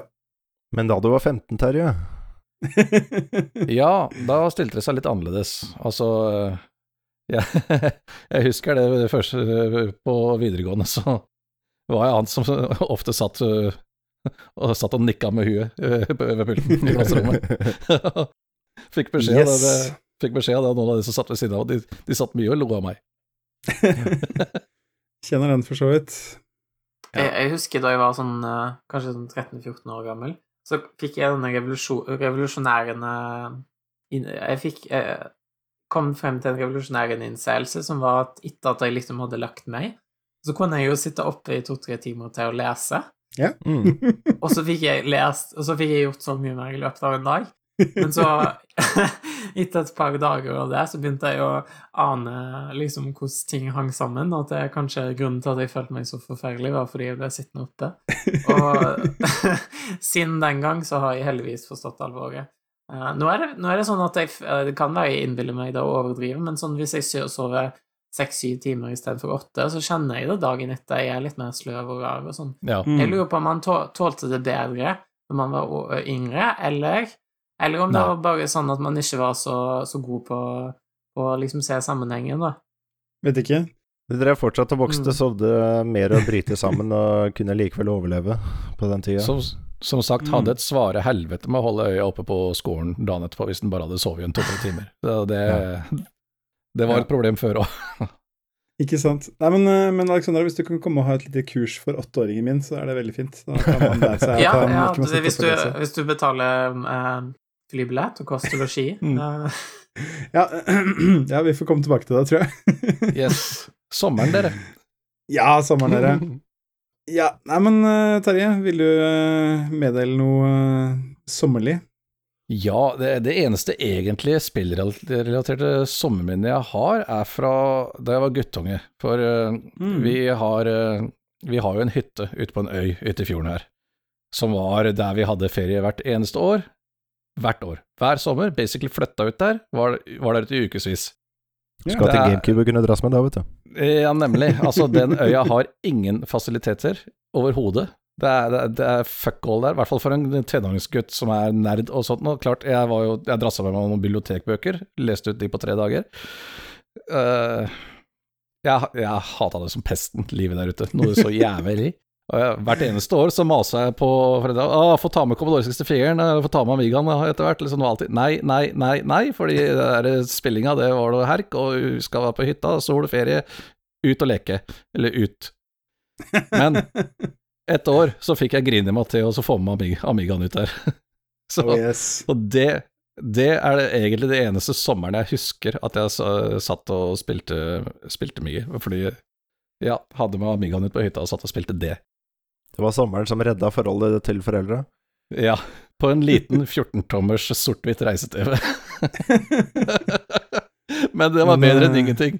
Altså, ser, seriøst, det jeg pleide å være på de der turene jeg, jeg gikk rundt på den øya så mye, bare gikk rundt på det stinettverket. Ikke fordi jeg likte det, det spesielt, men bare tidtrøyte, få tida til å gå. Et Mm. eller annet, hva som helst, bare mm. Og, eh, Så jeg husker jo spillet jeg spilte, eh, spilte den sommeren, for å si det sånn, men det var jo ikke spill som var nye for meg da, eller noe sånt noe. Eller som jeg spilte spesifikt for, de, for den sommeren, det var jo spill jeg bare hadde fra før, men jeg satt særlig og spilte et som het Moonstone, det er en sånn Ja, ja, Amiga, ja. Amiga kultklassiker. Oh, yes. Og ja, det, det, det, det var jo spill som Jeg, var jeg må vel ha vært 16 den sommeren der. Det var på kafé, ja. ja. Og det var jo eh, midt i blinken eh, for meg. Altså, riddere. eh, ganske så ultravoldelig for tiden. Dette har kommet i 1991, Mm. og det er Riddere som hogger opp monstre og hverandre, og det er blodsøl og ja, Hvis du har sett spilt andre sånne beat em ups hvor fiender ligger igjen og skjermen bare blir en eneste rot av ødelagte kropper og blodsøl, det var, det var et sånt spill.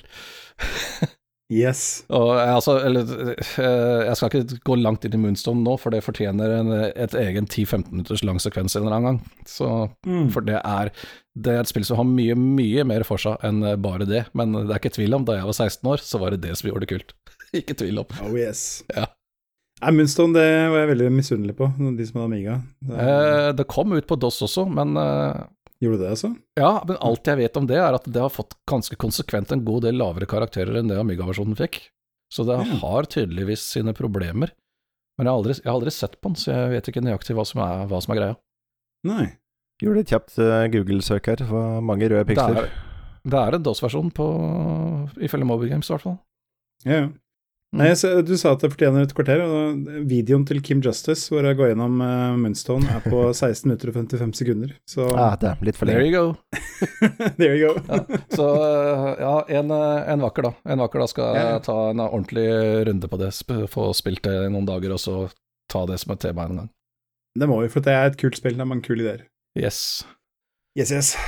Men uh, ellers da, så er jeg enig som, som du uh, sa, at uh, sommeren er liksom tida for å starte på større ting. Det er da du føler du har tid til det. Så mm. jeg veit at det var en sommer jeg valgte å starte på Witcher 3, i hvert fall. Yeah. Og det var nok i 2016, for jeg, så, jeg ser det kom ut i 2015, men da jeg spilte det, så var det Game of the Year-versjonen med begge delscenene. Mm. Så det må i hvert fall vært ett år seinere. Ja. Den, den ene expansionen der er jo veldig sommertematisert, den derre Toussaint, denne vamp- vampyrgreia. Ja, stemmer. Som eh, Du får et helt, jo, eh, helt eget område som virker som eh, ser, ja, ser ut som Syd-Frankrike. Ja, eller Toskana, jeg tenkt, da, men Ja, ja. ja, ja, greit nok. Uh, uansett. Sør. Sør-Europa. Sør, ja. Sør-Europa. Det er riktig. Det, ja, det- jo, vi kan absolutt kalle det et sommer, sommertema, sånn sett. Mm. mm. Men uh, det er jo et spill som tok mye lengre tid enn en sommerferie å spille, da. Ja, det kan du si. Ja. Var vel Ja. stykket på høsten før jeg faktisk var ferdig med det, om jeg ikke tar feil. Ikke sant. Mm. Ja, altså jeg, jeg, jeg er litt der jeg også, at det er uh, få sommertematiserte spill. Men er et, unntak er jo Animal Crossing, uh, som gjør et spill som følger årstidene. Uh, og det er best å spille om sommeren, for da er det mest å gjøre. Det er mest insekter, fisker, ting som skjer og sånn nå. Så det er um, Jeg liker best å spille om sommeren. Mm. Så, Mer farger. um, Mer farger, ikke sant? Ja. Blomster og sånne ting. Går ut i shorts og Akkurat som virkeligheten. Men um, det, det på en måte som var det siste sånn ordentlig sommerspillet sånn i voksen alder, var vel da jeg spilte Persona 4 Golden på PlayStation Vita. Uh, det var liksom um, Brukte en hel sommer på det. Og det ble ikke ferdig med det. Men uh, det er liksom Jeg har jo nevnt det tidligere at eh, Persona-spillet har liksom en sånn spesiell plass. Altså det er en, den eh, stemningen i de spillene, den er liksom så unik, og det, det er bare så kos. Det er så ordentlig hyggelig å bli kjent med de folka i de spillene. Og da, når du bare ikke har noe annet du trenger å fokusere på, bare kan slappe av Det er liksom det er litt som at du leser en bok på dagen, ikke sant, og så spiller du Persona på kvelden. Det er, eh, det er en god følelse. Som jeg Mm. Eller så spiller du Persona på dagen og Persona på kvelden. Eller det, men ja. det er mer gangbart eh, blant familien å ta med seg en bok enn ta med seg konsoll ut, så da gjør jeg det. Det du kan gjøre, er å skjære ut et hull i en veldig tykk bok. Ja, og så så ha Vitaen oppi hullet. holde rundt boka, så nå stikker den over. Ja, det tror jeg funker veldig bra. Ja, ja, den toucheren på baksida, den blir Ja, åssen får du til det? Ja, den, det, den brukes i totalt tre spill, tror jeg, så det er egentlig ingenting å si. Ja, sant nok. Tearaway menes. Er- Tearaway er det ene. Ja. Um, TX-score det andre. Uh, så har jeg glemt om det er Ja. flere. Det er det. An, aner ikke om jeg spilte det på Stormroom, men det kan jeg nesten anbefale som soverspill, for det er sånn koselig. Ja. Mm, Tearaway, altså. Mm. for så vidt. Trivelig, det òg. Mm. Ja da. Nei, men um, en ting jeg også trekker frem veldig sånn kjapt, er et spill jeg har spilt veldig lite, for jeg fikk ikke tak i det originalt, men um, det er et spill som kom ut på Gameboy Advance, som faktisk er uh, Jeg husker ikke hvilken rolle han hadde, men det er uh, Hideo Kojima hadde med noen fingre i spillet der. Og det spillet heter Boktai, The Sun Is In Your Hands. Det er da et spill Mm. hvor du skal eh, bekjempe vampyrer. Det er sånn action-rollspill-type. Og twisten der er det at eh, sverdet ditt blir lada på sollys, eh, og det er ment Jaha. bokstavelig. Så det er, på kassetten så er det en diger sånn kladd som er en sollyssensor. Så du må ut i sola og spille Game by Dance for å lade opp sverdet ditt. Eh, Åssen så du skjermen når du var ute i sola og spilte på Game by Dance? Terje, du klarte akkurat å gjette hva som var grunnen til at det spillet solgte fuck all. Klin umulig å få faktisk spilt det, som du har ment å gjøre. Akkurat.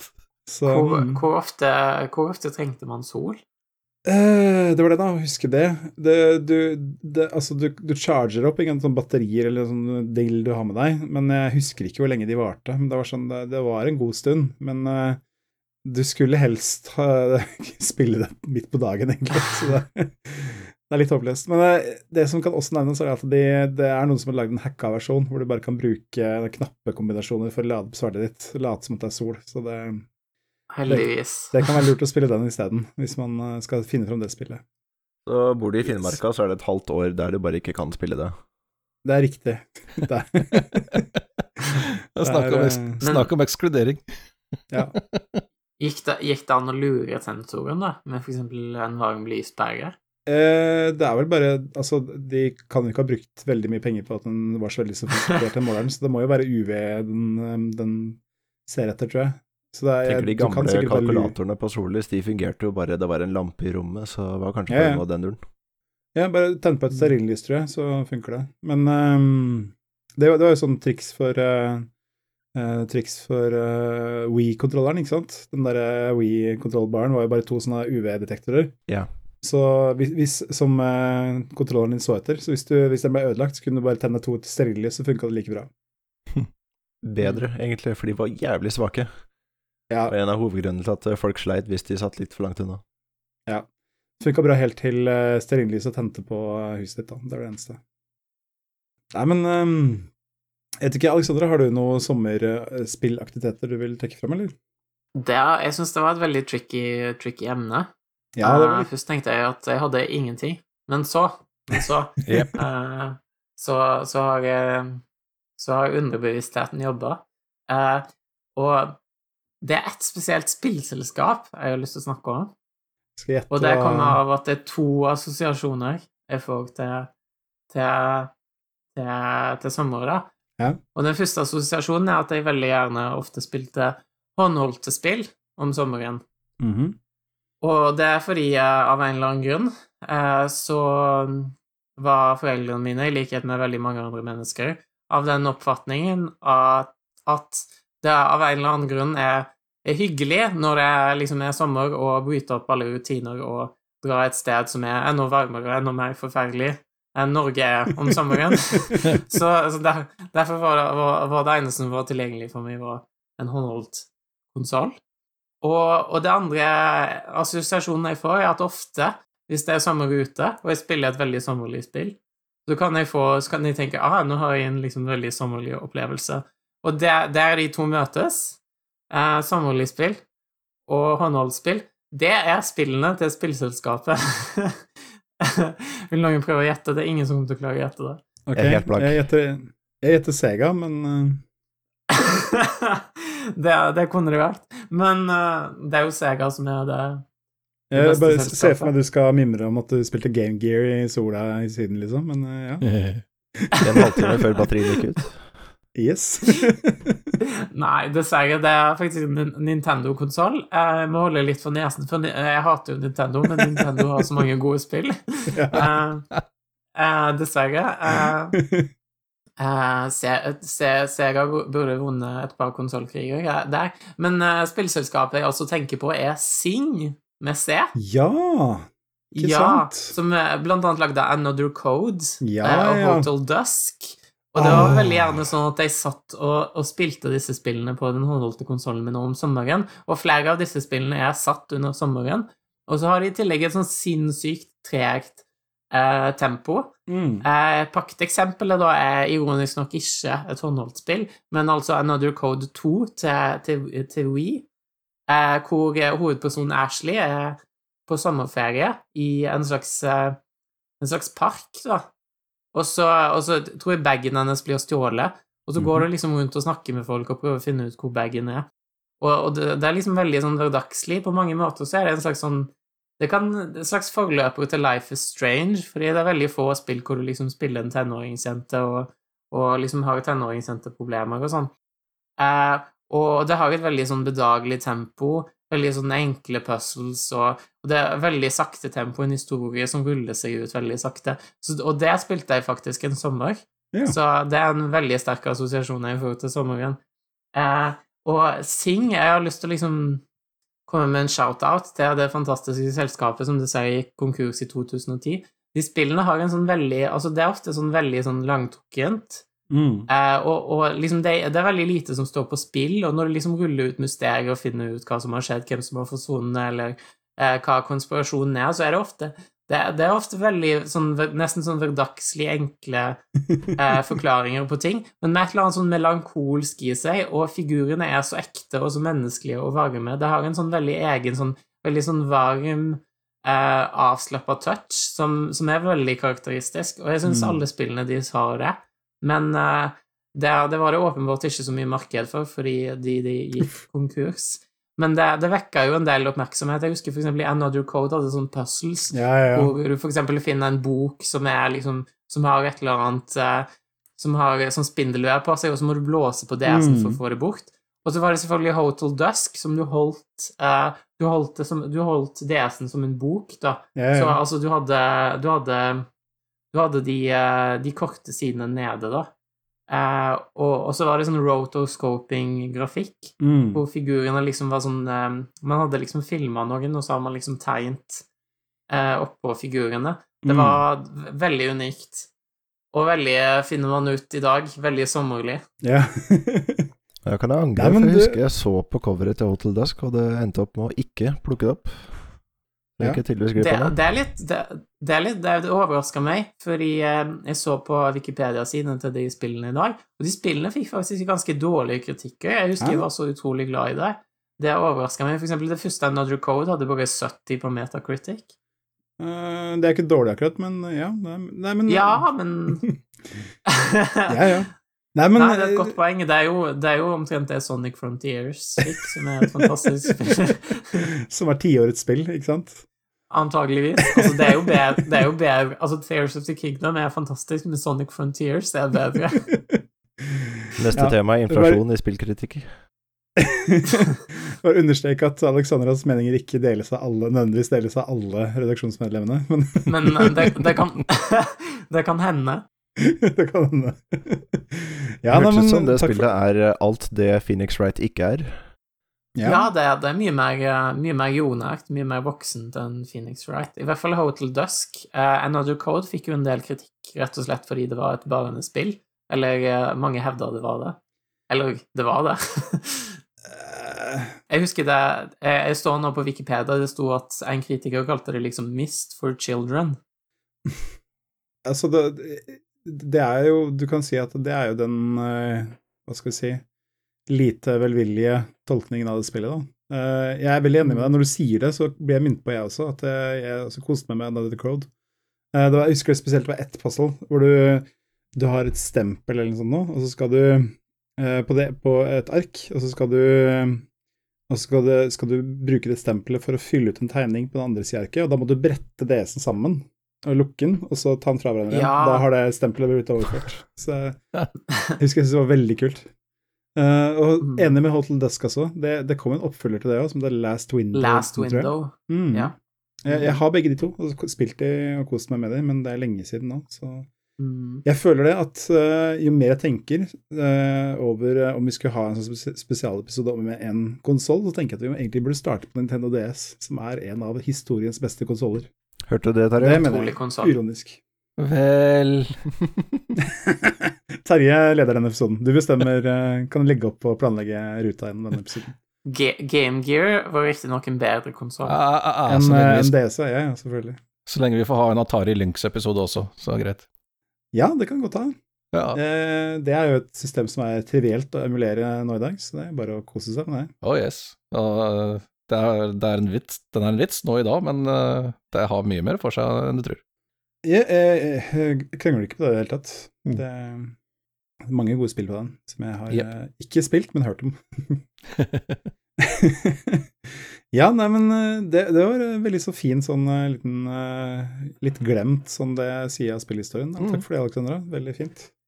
Mm. Um, Og jeg leste, jeg leste Ja. et intervju, en sånn re retrospect med hun eh, som skrev uh, i hvert fall Another Code 1 og Hotel Dusk-spillene.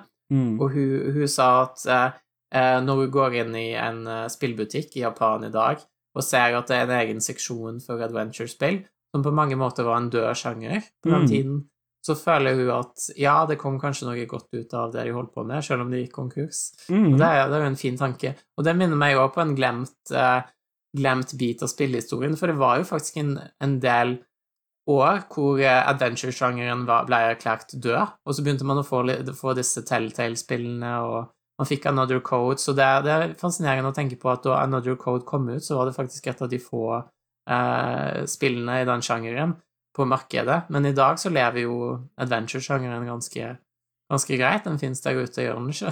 Jo, Vi vil påstå at adventure-sjangeren fortsatt var ganske død selv mens Telltale holdt på.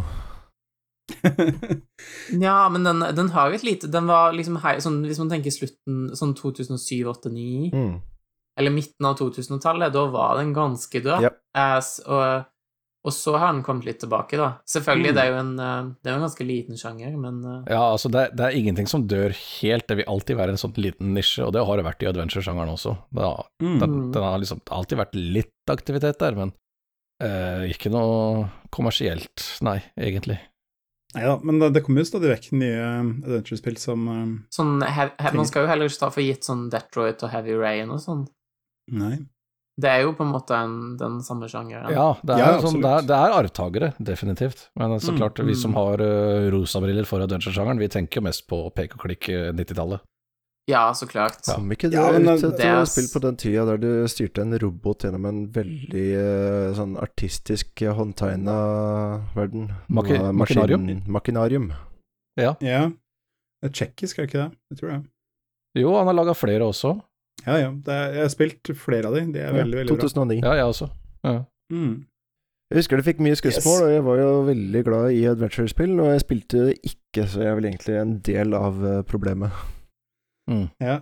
En, en ting så, når, når du sier det, så kommer jeg på um, Det har litt med temaet å gjøre, for at dette her eh, spilte vi om sommeren. Eh, for noen år siden så lagde de Amanita Amanite Games, heter de. Lagde et spill til Apple Arcade, som jeg eh, Da hadde jeg Apple Arcade og lastet ned på iPaden, som jeg spilte med ungene mine.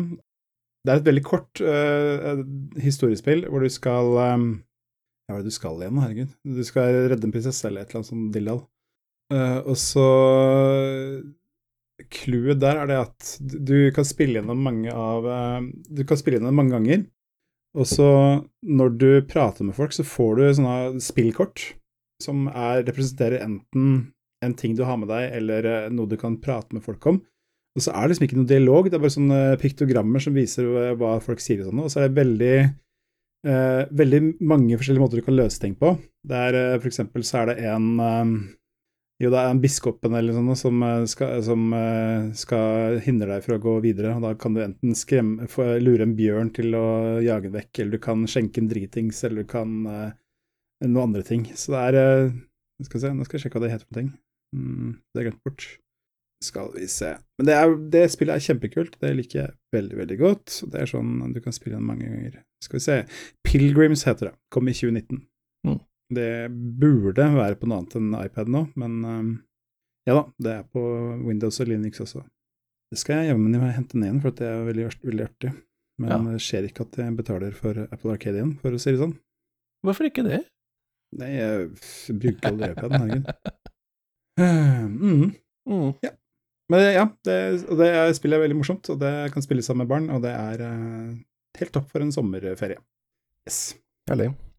Mm.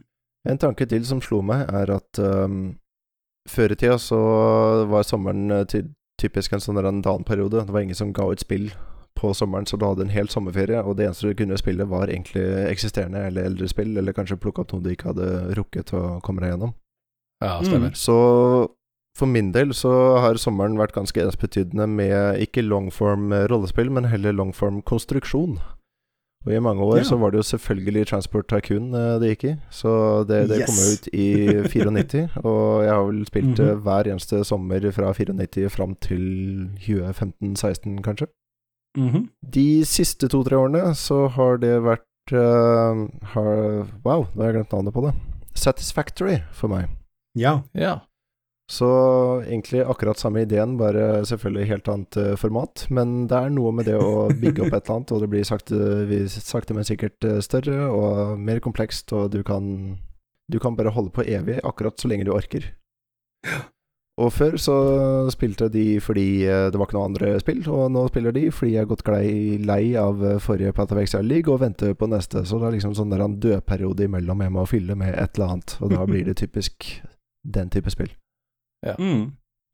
Så, Jeg kan, jeg kan nevne så vidt, når vi snakker om online-spill og sommer, så eh, Det hender jo at eh, mange online-spill har en sånn sommerevent. Jeg husker et år hvor jeg bestemte meg for at sommerferien skulle avsluttes med at jeg bare grinda eh, sommereventen i i Destiny 2 til maks. Så det gjorde jeg. Mm. Da fikk jeg et rustningssett som eh, som ble erstatta dagen etter at den sesongen var over, for at da kom en ny pakke med nye sett, og da var det ingen som brukte det lenger. Ikke sant? Så ja, Mm. veldig kjekt. Veldig mye, veldig vel anvendt tid. Så ja, det er sommeren som en eh, bestemmer seg for å kunne starte på litt større ting, som jeg nevnte tidligere. No, det er ikke alltid det er spill. Noen ganger så bestemmer seg for å bruke sommerferien på å se en lengre filmserie, eller binge en TV-serie eller to.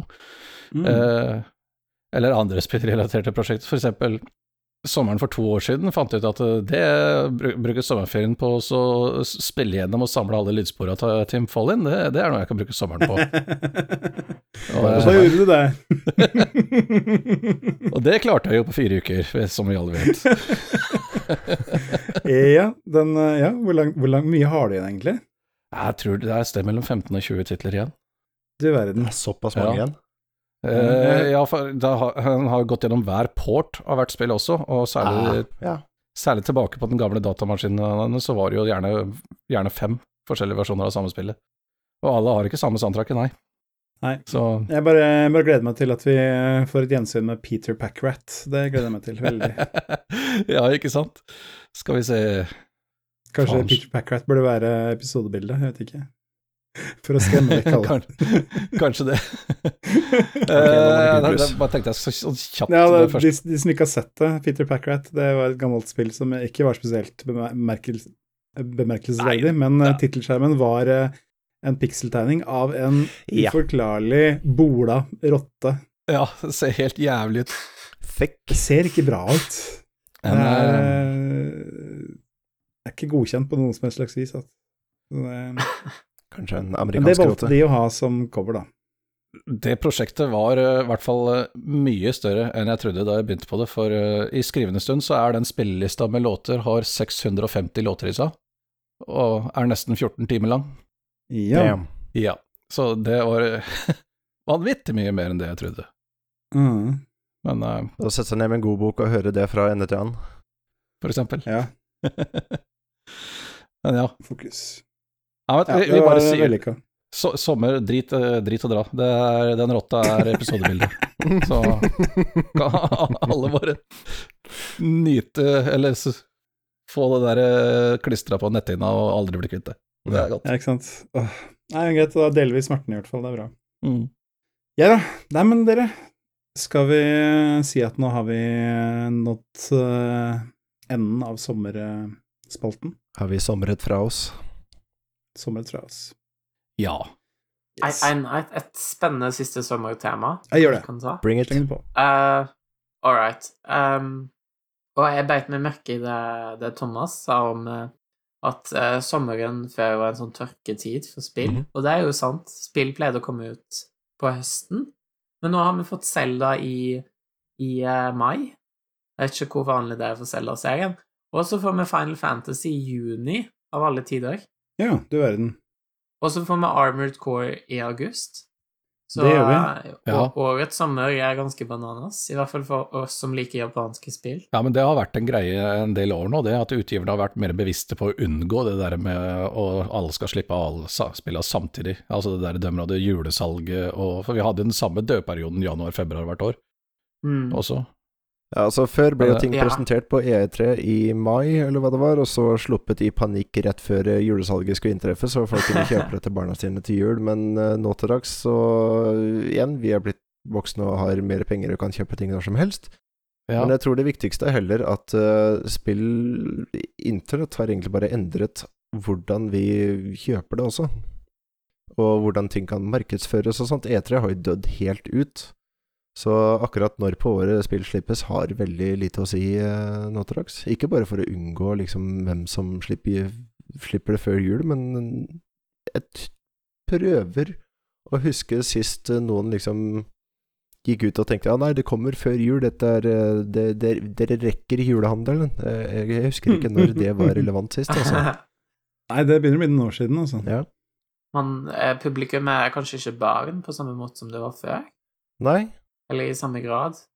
Nei, altså helt, Det er ikke de som selger. helt siden slutten av 90-tallet så har de jo sagt at den gjennomsnittlige spilleren er eh, en mann i, på midten av 20 20-åra. Allerede, Ja. allerede da. Ja. Og det Jeg har hørt til kvinner på, i 30-åra, men greit nok. Ja, ja, altså nå, nå ja. Nå snakker jeg for eh, Ja, okay, rundt tusenårsskiftet. Eh, Jeg mener at gjennomsnittsspilleren har ikke vært et barn siden 80-tallet, nesten, egentlig. Mm. Nei. Altså, Det er jo på en måte kanskje barn man typisk kjøper spill i julegave til. Så det kanskje det det. var en veldig stor del av markedet før. Og så har, det- og så har man tatt litt tid for å skjønne at det er ikke der salget ligger lenger. mm. Ja, Men men, det, det er utrolig, det. det er utrolig fascinerende å se hvor, hvor utrolig mye markedet har endra seg, og hvor vanskelig det er å forklare, egentlig. Jeg så for eksempel da på, eh, på Spillegal-discorden så var det noen som posta en sånn infographic, og Zelda-spillene før Breath of the Wild, ingen av de har, hvis den infographicen stemmer, ingen av de har solgt over 10 millioner eksemplarer. Mm, mm. Så Zelda er en ganske liten serie sammenligna med f.eks. Final Fantasy. Mm. Men eh, Breath of the Wild solgte 30 over 30 millioner eksemplarer, mm. og Tears of the Kingdom ligger godt an til å gjøre det samme. mm. Eh, så det er utrolig eh, utrolig interessant at markedet kan endre seg så, så mye. Ja, må Du må se det i forhold til markedet òg, fordi uh, hva enn Ocarina of Time solgte, i henhold til det markedet, blir det helt annet, fordi markedet er jo Ja. vokst med en faktor på veit ikke hvor mange desimaler vi skal putte der, men altså, det er Det jo har- Mm. bare det største underholdningsmarkedet i, i verden. Større enn film, Ja. større enn serier, større enn noe annet. Ikke sant? Det er noe av problemet jeg har når jeg snakker med andre sånne fanboys i dag. Når jeg begynner å snakke om et gammelt Commodore 64-spiller av Amiga-spill, jeg solgte de bøtte og spann, nesten alle hadde det. Ja, Hvor mye solgte da? Ja, 50 000. Yep. Ja, som var helt vilt mye den gangen. Ja, ja. Men, eh, Og så Monkey Island, Day of the Tentacle, når vi er tilbake på den adventure-sjangeren. Det er liksom noe, de, de to største spillene antageligvis innenfor hele sjangeren. De solgte mellom 100 og 200 000. ja, ikke sant. Som i dag er en totalflopp. Ah, Men mm. angående den der infografikken du nevnte, Alexandra, den, kop den copypasta jeg over på en eh, annen discord, og fikk til kommentarer av eh, en som var der, den kunne umulig være riktig. mm. Han mente at det, det, kikka, han kikka litt på andre salgstall og sånt, at det, det, han fikk det bare ikke til å stemme. En, en mulig Så- forklaring er at man var dårligere til å rapportere salgstall. For nå, er, nå finnes det sånne nettsider som følger nøye med på det og sånn. Ja. Så det er, det, er, det er vanskelig å si hvor nøyaktig det er. Ja, Ja, men du kan Eh, si jeg har at ikke det- gått, ja. jeg har ikke gått i dybden på det sjøl, jeg kan bare gjengi. Det var kommentaret jeg fikk. ja. Mm. Men altså, men, altså, Nintendo er jo de eneste som distribuerer uh, Nintendo-spill, og de vet jo hvor mange de har produsert og sendt ut. Og så vet de hvor mange de har fått tilbake fra, fra andre, så Til og med Ja, ja. lettere nå til dags som bare kan telle downloads. Og Ja, da er det jo faktisk kjøpt, men, så da er det um, ikke engang skipt til butikken. Da er det kanskje støver ned. Så det, det er faktisk Mm. lettere å telle antall solgte eksemplarer i dag. Men, mm. men de som lager infographic igjen, sånn på 90-tallet, så var det kanskje ikke nødvendigvis sånn at det var så lett å få tak i disse salgstallene, mens nå legger Nintendo de ut liksom systematisk på nett og sånn. Mm. Så det gjør kanskje at de nyere dataene er mer, eh, mer trolige. Men man vet jo at eh, Final Fantasy 7 solgte sånn 16-17 millioner, og det gir jo egentlig mening at, eh, at, eh, at Final Fantasy 7 solgte mer enn Selda, Zelda, i og med at Sony er bedre enn Nintendo.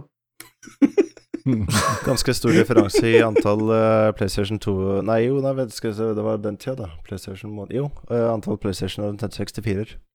Ja. Nintendo 64 Ja, det var jo en uh, vanvittig konsoll, men den bare fant ikke like mange hjem. Mm. Mm. Yes, yes.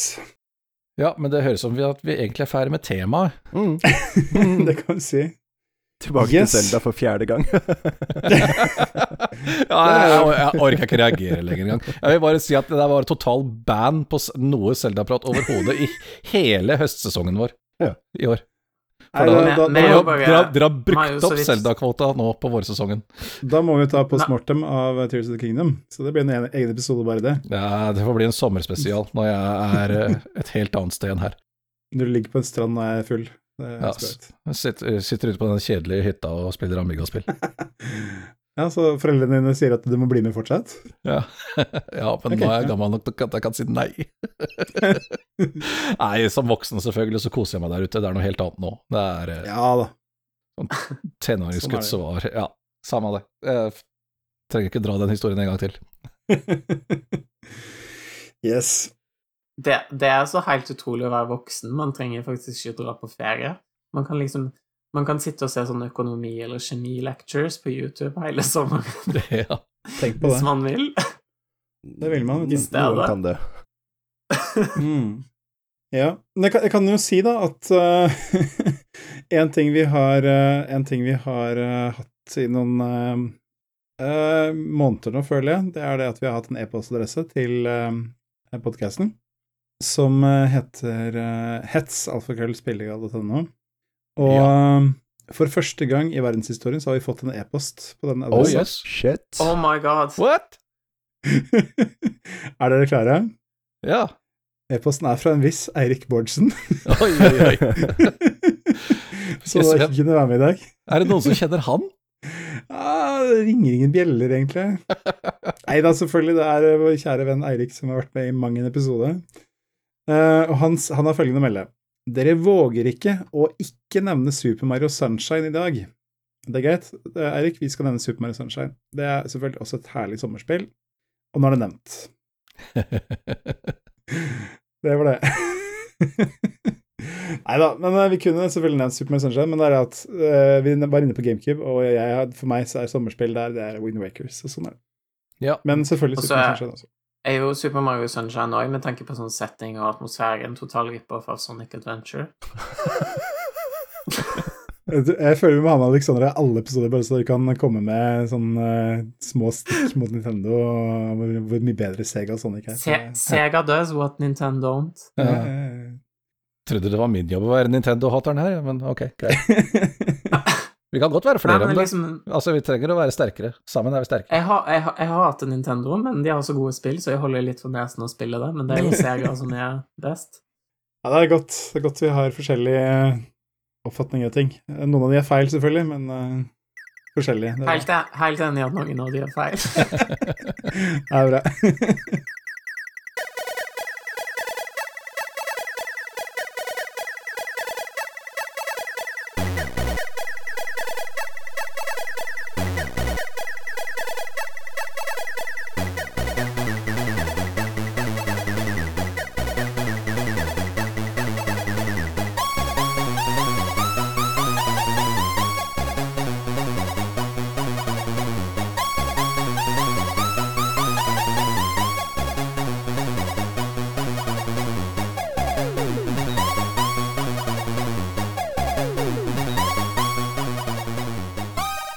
Skal vi smelle på jazzespalten, eller har vi noe vi vil ta opp der? Jeg har en kjempekort melding, egentlig. Mm. Det er uh, rett og slett det at uh, jeg blir ikke så Jeg har ikke Altså, nå har det vært 17. mai for ikke så lenge siden, og en ting som irriterer meg, det er sånn folk som bare «Øh, Du kan ikke drive med Du skal gå i bunad eller dress, og du skal ha norske flagg og sånn. Eh, Og jeg bare tenker at Vet du hva? Hvis det er noen som har eh, en eh, festdrakt fra et annen, en annen kultur eller et annet land eller hva som helst, så pynter seg med det på 17. mai, så kjør på. Det er godt å se. Det er, i, I år så så jeg ei lita jente som hadde på seg em, hijab med, som var sydd på norsk flagg. og Det synes jeg var utrolig kult. Det er steintøft. Det er veldig kult. Jeg tror ikke jeg har hørt hørt jeg- noen si det like ofte som du er. Jeg har eh, selvfølgelig hørt det, men de eneste jeg har hørt det fra, er en eldre generasjon. Så får bare Det er jo det. håpe at det problemet er borte om et par, eh, par tiår. Ja, det er bare sånne sure gubber og kjerringer som maser om det der. Men det er bare irriterer meg. Jeg oppfordrer folk til å si fra hvis noen skal være leke som Ja. meg-politi. Det er bare dilldall. Ja, sånn ca. 30-40 år igjen, så er dere kvitt meg, så det er antagelig. Ikke sant? Nei, men virkelig, altså. Det er en dag for alle. Ikke, Ja, ja, ja, jeg er helt enig, selvfølgelig. Jeg er ikke noe 17. år politi heller. Det går bra. Det er good. Yes. Det var min melding til neste år, og Ja. alle år et- deretter. Yes. Nei, jeg skal jo stikke til Ja. Grimstad og jazze der i fem dager. Jeg skal spille brettspill fra morgen til kveld. Ja. Forferdelig. Det blir, ja, det blir helt forferdelig. Har jobb med Gud, noen som gjøre jeg gruer meg. Nei, det, det blir selvfølgelig å eie. Oh yes. Nei, som, litt eh, misunnelig, det er klart. Kjenner meg, så er det ikke akkurat ukjent eh, at eh, jeg har blitt mer og mer glad i analoge spill i, eh, i de Mhm. siste årene. Jeg har til og med overtatt eh, som sånn hovedbeskjeftigelse, hvis jeg kan, overfor digitale spill. Ja. Så Mm. oh yes. Det er ikke dumt, det. Nei. ja, nei, jeg, prøvde meg på å ønske meg um, Eclipse, eller hva det heter, uh, til bursdagen. Jeg har det jo, så du kan komme til Drammen og spille det. Det blir uh, plan B. yes. Tror vi må arrangere det, altså. Ja, jeg er veldig med på Eclipse, ass. Mm. Veldig lyst til å prøve det. Jepp, jepp, jepp. Har vi noe annen jazzing når vi først er i gang? Er det Terje? Kan, kan noe- jazzingen ja, ja. Ja, eller Alexandra, har du noe jazzing på, på lur? Kan, kan jazzingen være spillrelatert? Kan være akkurat hva du vil. Kan være hva du vil. Det, Ok, fordi jeg hørte at han som liksom styrer Final Fantasy 16 nå, Ja. at han prøver å få de til å droppe tallet på slutten av Final Fantasy. ja, hva At de skal tenker du om det? slutte å telle. Og jeg syns det er så utrolig provoserende. Altså, det gir jo på en måte mening. okay. Det gir jo på en måte mening, men jeg har liksom gleda meg hele livet til å bli gammel og spille Final Fantasy 37. Skjønner du hva jeg mener? Mm. Ja, jeg. Nå skal, de, nå skal de bryte opp det. Jeg vil bare, jeg vil bare gå liksom sterkt ut her og si at det er jeg veldig imot. Jeg syns de skal fortsette å telle. Er det ikke Yes. yes. Ja. Memen er jo ikke Final Fantasy 30, som da blir Final Fantasy XXX. Mm. Ja, Ja. ikke sant? ja. Ja, men så, ja, nei, eh, for å ta opp Selda nok en gang, det har jo aldri vært nummerert den, så nei, det Men Det det, er, det, er en, det er en ting vi forresten ikke har diskutert. Hvor befinner Tears of the Kingdom seg i tidslinjen? Nei, Eh, la oss ikke dra på den tidslinja. Nei, uh, Det er neste, enkelt, neste episode, neste episode, neste Nei, nei. men det, det har et veldig enkelt svar. Det er etter alle de andre. Men hvilket? Fordi det er jo tre tidslinjer. På Nei, men. Alexandra, ja. nå har ikke du fått med deg at eh, Nintendo offisielt har sagt at eh, Breath of the Wild det er, foregår i alle tidslinjene. Du, tidslinjene Nei. går grener ut, og så samles det i Breath of the Wild.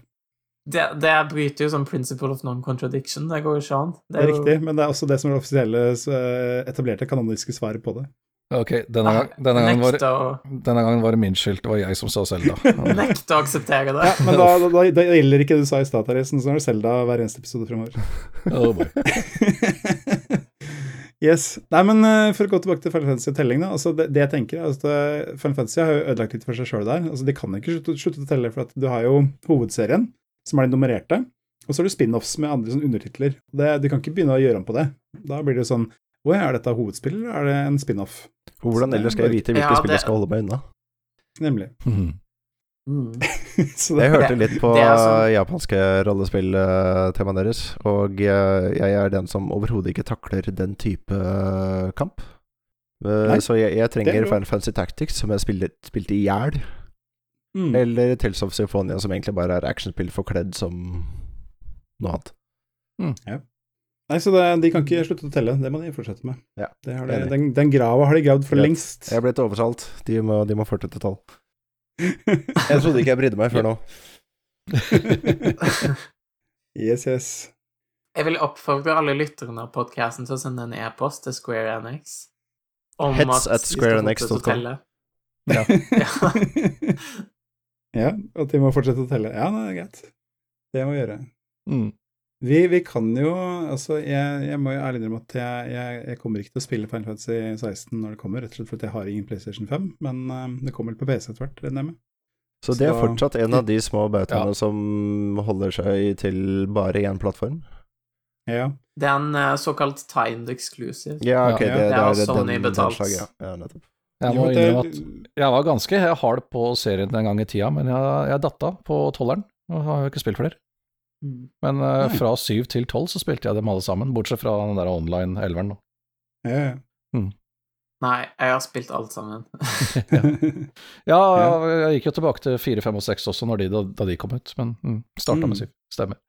Når det er Ja. sagt, det var bare sånn liten uh, attpåklatt der, så har jo Pixel Remasters av de første Final Fantasy-spillene kommet ut til Ja. Det er vel bare på PlayStation, tror jeg, men de skal komme på PC òg. Så hva er en Nei, pixel remaster? på Jeps. Med liksom ja. Ja, for det, det er De- nye remaster, ikke de der dårlige Ja. mobilportene som kom for noen år siden. Nemlig, de, de, de, skal, de skulle liksom gjøre opp for de dårlige mobilportene, og så skulle Ja. de um, gi ut noen ordentlige Det- remasters til moderne konsoller, og det har jeg egentlig litt lyst til å teste ut. Ja. Jeg, jeg, jeg mener Pixels Remasters har vært ute på PC liksom type et år, og at de først nå har kommet til konsoll. Det får vi. Så pixel remasters er en bedrift, ikke et konsept. Jeg, jeg tror ikke helt skjønte hva du mente, Thomas. Nei, jeg lurte på hva er pixel remasters? Ja, det er bare, at de har eh, gitt ut en pakke med alle de Ja, de, så det er et firma. Uh, Ja, så det, det er Square Enix som gir ut. Ja, ja, eh, sånn, ja, Pixel. Remasters av Greit. Final Fantasy, Ja. de første. Så som skulle være ja, vei opp for de dårlige mobilportene, som sagt. Mm. Mm. Ja, Pixel Remaster kom ut på Android, IOS og Windows i 2021, og så har det nettopp kommet til Switch og PlayStation 4. Herman jeg har langt etter det, da. Ja, Nei, jeg det fant mener jeg. Jeg, jeg spilte seks eh, i jul nå. Mm. Ja, nei, jeg, jeg, jeg bare Jeg fant det ikke på Steam, skjønner du, så jeg tenkte at da var det ikke ja, ja. Er det ikke på Steam, så er det ikke kommet ut på PC. Det skal, det, det skal være på Steam. Vi får sjekket neste gang, eller jeg får det, da. Ja. Ja. For Mm. slipper å pla- plages ut der. Jeg sitter og ser på det på Steam nå. Ja, ok. Hmm. Jeg får sjekke. Ok. Du må nok, må nok gi deg, Trygve. Du tok Jeg har feil. gitt meg for, jeg har gitt meg for lengst, jeg. Man, man, må, man må være nok Final Fantasy-fan, ellers klarer man ikke å se Ellers så vises det ikke. Nei, det er riktig. Keiserens nye spill. Keiserens nye spill. Der har vi den. Nei, men dere, vi runder av med å minne om uh, hetsalfakrøllspillegald.no, e-posten som nå er eh, glødende het og i masse, eh, masse aktiv bruk, masse meldinger inn. Jeg klarer ikke å ha oversikt over alle. Eh, så meld dere på. Vi, har- jo ansatt en fyr som bare sitter og sletter hele tiden for at den skal bli overfylt. det er riktig. yes. Og selvfølgelig, eh, denne episodens sponsor er eh, Har du lyst, har du love? Innlandets fremste tilbyder av dugnadsbaserte landbrukstjenester. Yay. Det var ikke så veldig bra sponsor denne uka her, men det var det jeg kom på.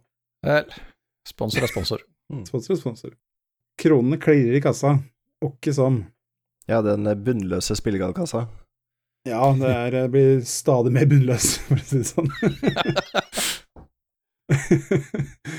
Jeppers. Nei, men eh, dere, da vil jeg bare avslutte med å si tusen takk for at dere var med på episoden, Alexandra, Thomas og Terje. Kjempehyggelig, som Alltid. Koselig å få lov å være med. Mm. Ja, Takk. hjertelig velkommen tilbake, begge to, alle tre. Du og Terje, under tvil. Jeg òg. Jeg gjør jo alt jeg kan for å slippe unna dette greiene. Neste episode Terje skal ha, så blir det Da skal vi skrive at temaet er Amiga-klassikere, og så er det, har vi formulert det på en måte sånn at det blir Selda isteden. Ja, stemmer. Nei da. Ne neste gang kan vi ta timeline-diskusjonen. Ja. det kan vi gjøre. Da, da, da stiller jeg forberedt, for å si det sånn. Da har jeg Brettspillet Timeline. Uh, ja, altså vet, den offisielle timelinen er jo at det viktigste Selda-mediet noensinne er eh, Selda Monopol. Det er blitt uh, etablert. Med- Som jeg fikk i julegave av en søster som mente godt. Yes. Jeg, jeg hørte noe snakk om Zelda Lego. Det tror jeg, ja, det er vel bare noen som eh, Det hadde en sånn uh, liten det sånn tanke om at det kunne vært, men så ble det ikke noe ting av det. Mm. Yes, nei, men eh, b- nå må vi bremse Selda-diskusjonen. så sier jeg bare tusen hjertelig takk til alle som hørte på. Dere er uh, grunnen til at du gjør dette. Nei, det er ikke sant. Det er ikke grunn til at du gjør dette. Men uh, dere er hyggelige til å høre på, i hvert fall. Vi gjør det for pengene. Jeg gjør det for pengene. Det er det eneste grunnen, eneste motivasjonen til å gjøre dette. Oh yes. Yes. Nei, ha det bra. Thanks for Ha det. Ha det.